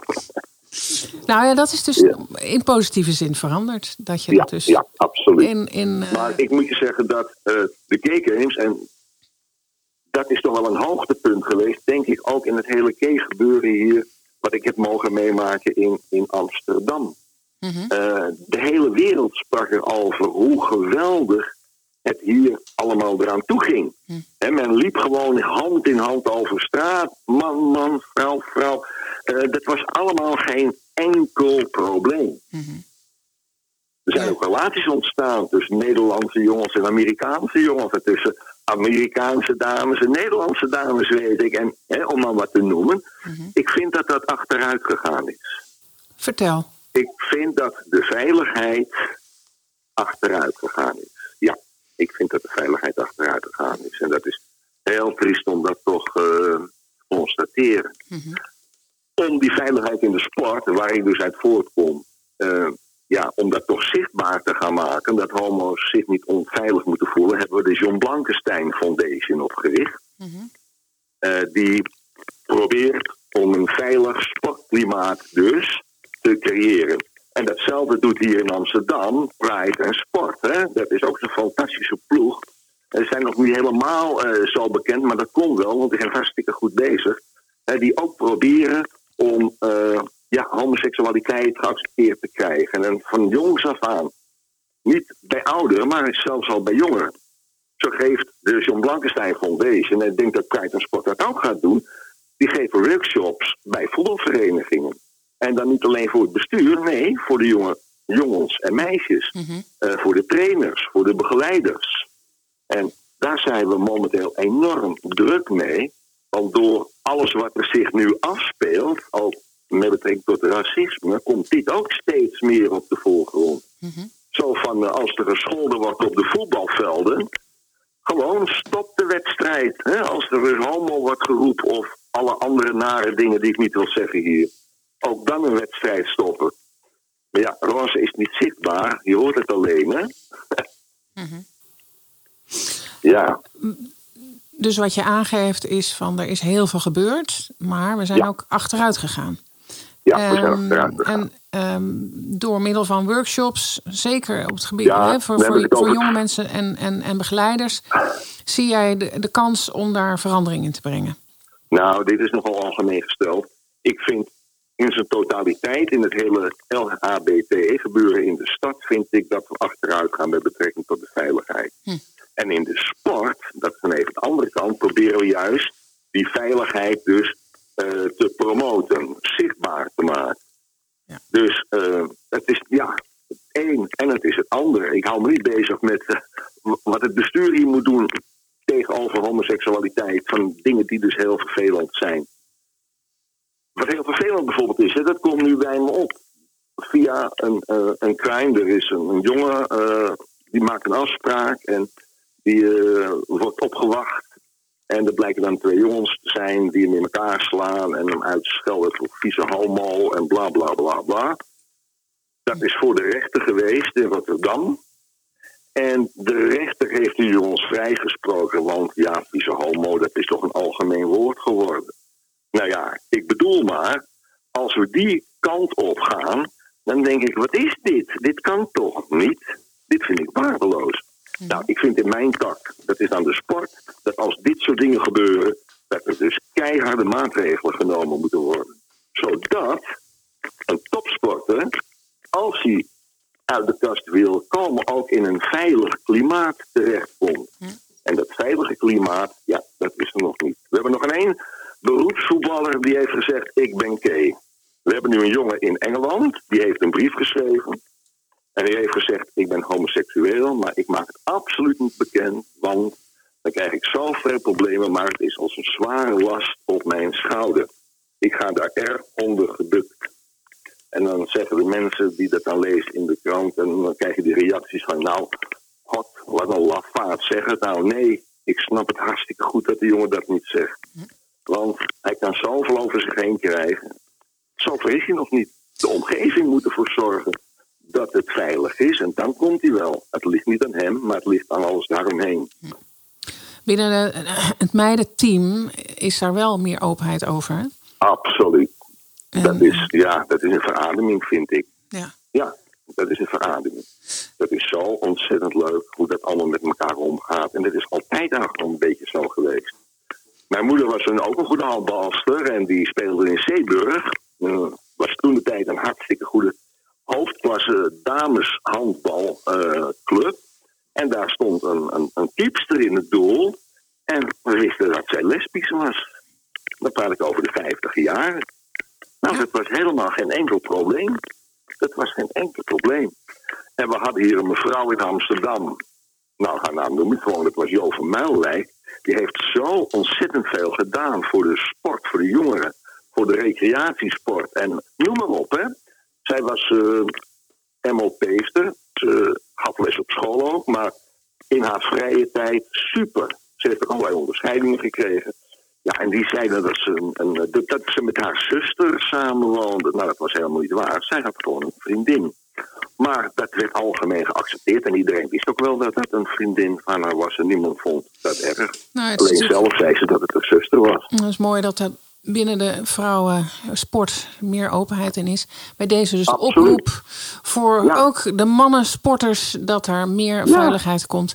Wij ondersteunen jou, jou, jouw oproep. Ook voor de luisteraars eh, laten we daar met z'n allen ehm, achter staan en daar ook naartoe bewegen. Ik maak een klein eh, sprongetje, eh, Jip, naar. Hè, je hebt Niet veel te met- hoog hoor. Nee, klein sprongetje. Want je hebt veel met beweging, veel met sport. Eh, maar Wat heb je met dansen? Ik vind dansen geweldig. Dans je Ik heb nog? het altijd, ja. Nou, ik heb twee nieuwe heupen. Dat komt dus ook door de sport. hè. Dat is weer een nadeel. Dus niet zo enthousiast meer. Maar je ehm, weet, je, weet je wat onze drummer altijd vraagt op de dansvloer? Nee. Het is toch wel een dansheup, hè? Oh, een dans? dat weet ik niet.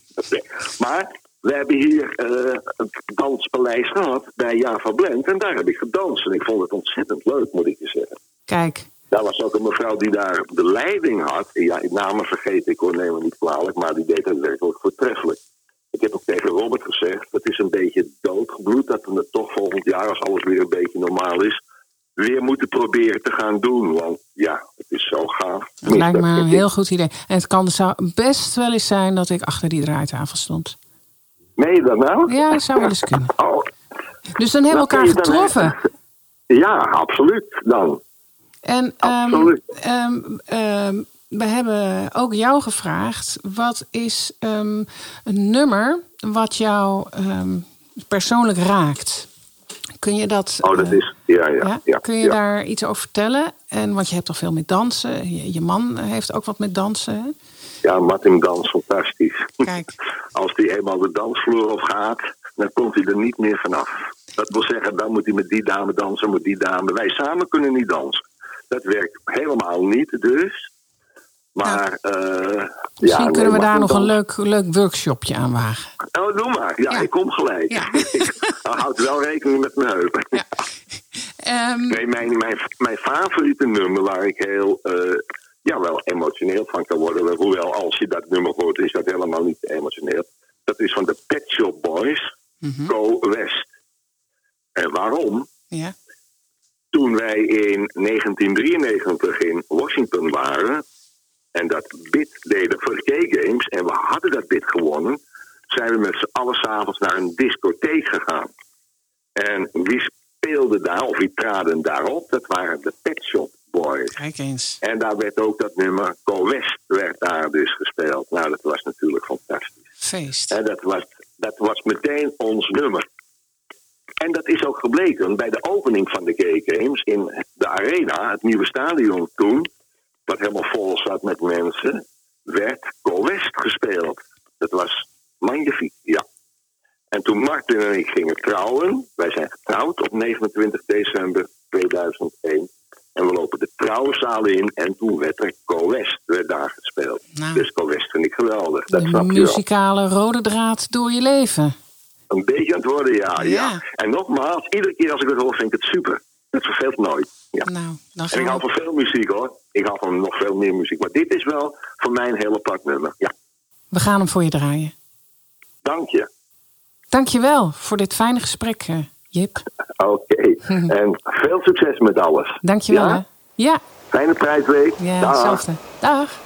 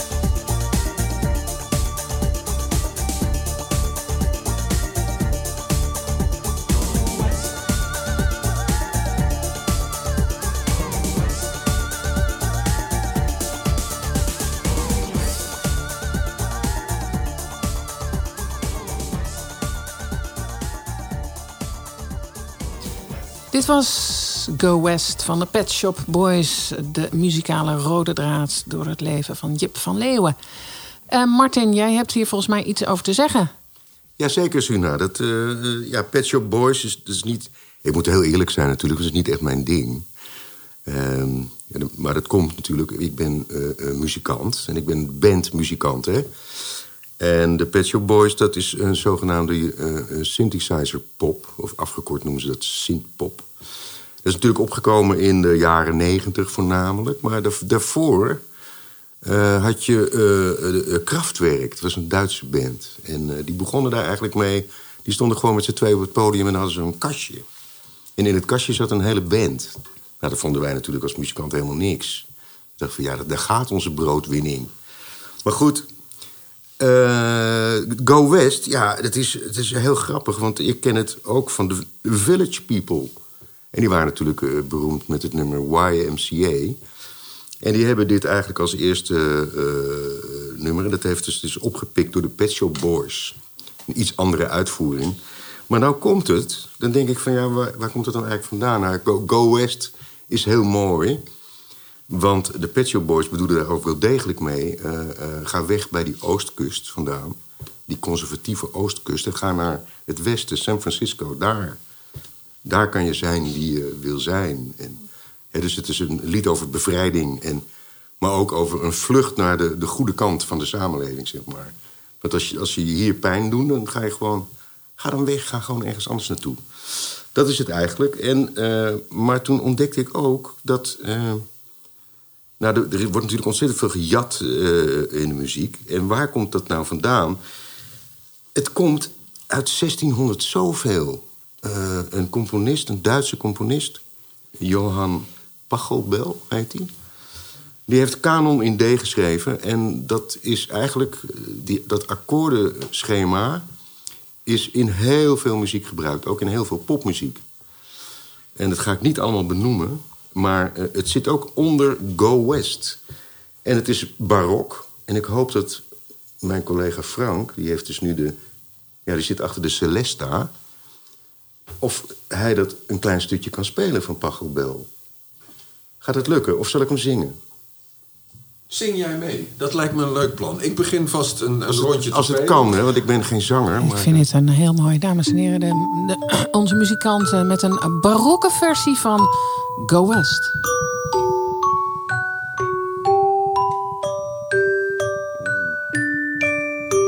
Ja, dan moet ik de, de tweede stem. En dat kan ik dus niet, hè? Jammer.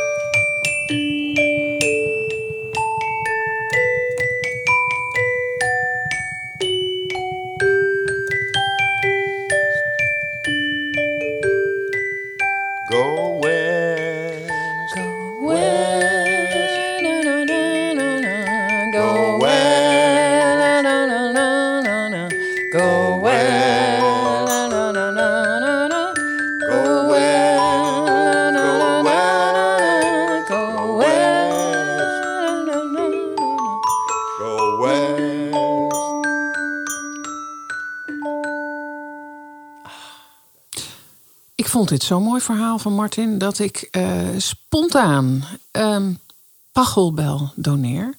Canon in D. Eh, volgens Martin de voorloper van Johann Sebastian Bach. Dus van Go West van de Pet Shop Boys gaan we helemaal terug naar de oorsprong. Eeuwen terug. Canon in D. Pachelbel.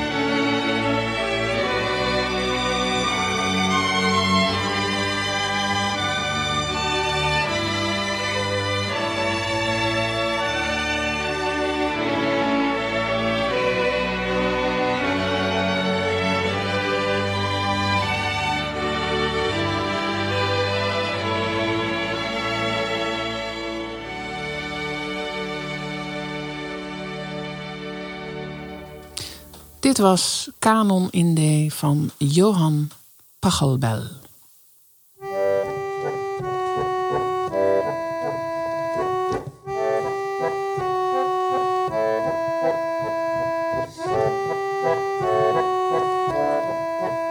In memoriam. Het Danspaleis staat voor het leven en daar hoort de dood bij. We maken de ruimte vrij voor overleden fans van het Danspaleis en onlangs overleden artiesten. In deze aflevering speciale aandacht voor Leni Wiggers, ons voormalig ambassadrice van de Roze Danspaleizen. Op 8 maart overleed Leni Wiggers op 88-jarige leeftijd. Ze ontdekte tijdens een fietsvakantie in Nieuw-Zeeland dat ze op vrouwen viel. Ze was 68. Al jong besefte ik dat jongens meer mochten dan meisjes. Trouwen was niets voor mij, want dan had je binnen de kortste keren een huis vol kinderen en mocht je niet meer werken. Daar moest ik niet aan denken, vertelt ze aan de Volkskrant. Wat volgde was een feestelijke tweede jeugd dat door Tara Verloo is vastgelegd in de documentaire over de Rainbow. Ze was ons zonnetje tijdens de Roze Danspaleizen en vooral een heerlijke eigenwijze vrouw die haar eigen pad bewandelde. Het blijft treurig als mooie mensen de aarde verlaten. Het blijft zonnig om mooie mensen te herinneren. Dag Leni, kleur de hemel maar roze. Speciaal voor jou uitgezocht een nummer van Dusty Springfield. Een eh, vrouw met een bewogen leven, een wild liefdesleven, waaronder ook vele vrouwen versleten. Ehm, en een nummer wat een walsje in zich heeft, wat stilte in zich heeft, maar ook het, leven in een soort van uh, kermiscarousel aan je voorbij trekt. Een malle molen van het leven. En ik zie uh, Leni op zo'n paard zitten, op zo'n schommelpaard. En uh, nou ja, denk er maar het mooie van. Hier is Dusty Springfield met How Can I Be Sure? How can I be sure that's constantly changing? How can I be sure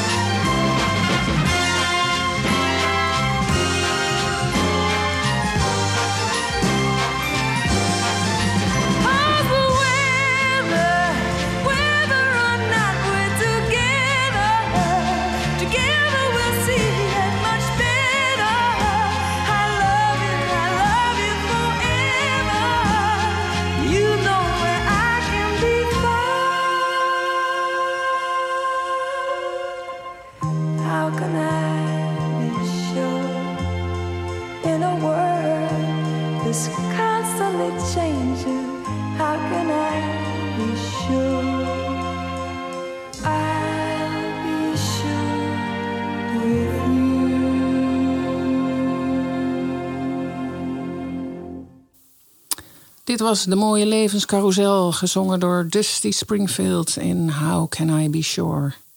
Ja, en dan gaan we nu naar de overleden artiesten van de afgelopen periode. Martin, wat heb je ons te vertellen? Ja, het bericht kwam ons, eh, eh, tot ons dat Bonnie Pointer overleden is. Een van de beroemde Pointer Sisters. Die kennen we. Die kennen wij, want eh, we draaien heel regelmatig de Pointer Sisters bij het Danspaleis. En dan, ja, vooral het nummer Yes We Can Can vind ik heel erg leuk. Want het is natuurlijk een, beetje een grappige titel. Yes We Can Can, Yes We Can Can. En dat zit ook echt in dat nummer, dat swingt enorm.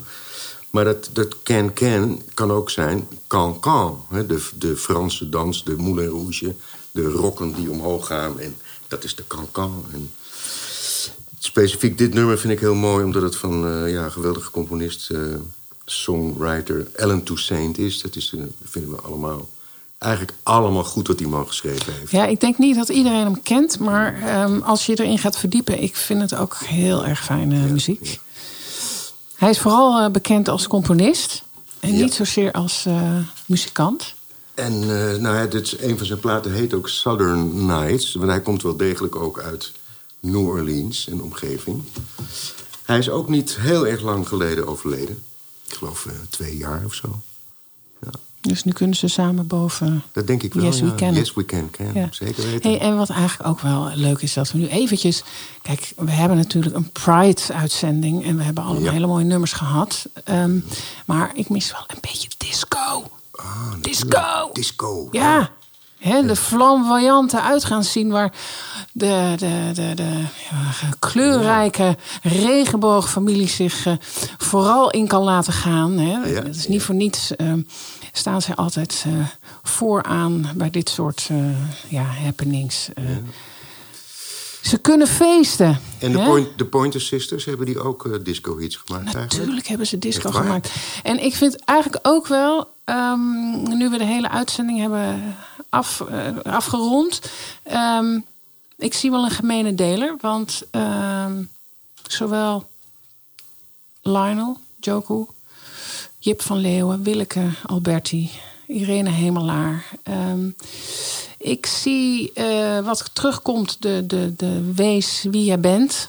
Wees blij met wie je bent. Eh, en niet zozeer denken in al die hokjes L, H, B, C, I. Of, of dat nou de hetero is of de Zoals Lionel dat zo mooi kon benoemen. Men, hoe heet het ook weer? Mens... mensualiteit. Mensualiteit, ja. Dankjewel, Lionel. Dat vind Ja. ik zo mooi. Die ga ik onthouden. Precies. Dus ehm, ehm, als ik jou dan eventjes mag overnemen met Bonnie Pointer. ehm, laten we dat dan eindigen met eh, een lekker disco-nummer van de Pointer Sisters. En laten we dat met, gewoon met z'n allen. Iedereen mag nu even de dansschoenen aantrekken. Een, een roze glitterjas, een strik, een eh, regenboogcape. Het maakt me niet uit. Eh, neem elkaar bij de hand en laten we met z'n allen. Oh ja, niet bij de hand. Anderhalve meter. ander, ja, een beetje gepaste afstand. Ehm, gaan we dansen. Happiness. Fantastisch. Doen. I love the way you love to live. You love life. Your inspiration. I love the way that you give your heart so freely. Your sweet sensation. You're my invitation to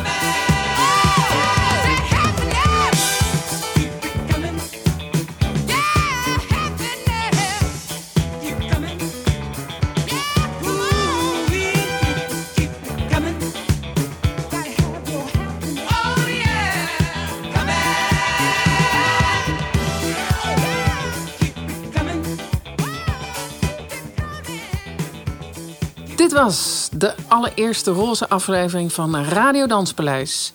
Speciaal voor roze ouderen kunt u voor roze activiteiten terecht bij oudrozeagenda.amsterdam. We zijn heel nieuwsgierig wat u van deze uitzending vond. U, en u kunt ons helpen om dit programma inhoud te geven. Is er iemand die u graag als gast in de show zou willen? Heeft u een bijzonder muziekverhaal dat u wilt delen? Of wilt u gewoon kwijt wat u van deze aflevering vond? Laat u horen. Daarmee kunnen we samen invulling geven aan het programma. Mailt u naar info.hetdanspaleis.com Voor meer informatie over het Danspaleis, de volgende Radio Danspaleis aflevering of andere informatie kunt u terecht op www.hetdanspaleis.com. Dit programma is gemaakt door muzikanten Frank van Bommel en Martin van Leusten. Technische productie Robin Jegers. Redactionele ondersteuning Marleen Engbersen. Research en productieleiding Iris Arkenbout. Audiomontage Misha van Waterschoot. Concept en presentatie Suna Duif. Voor nu dank ik u van harte. Een hele mooie Pride gewenst en graag tot de volgende keer.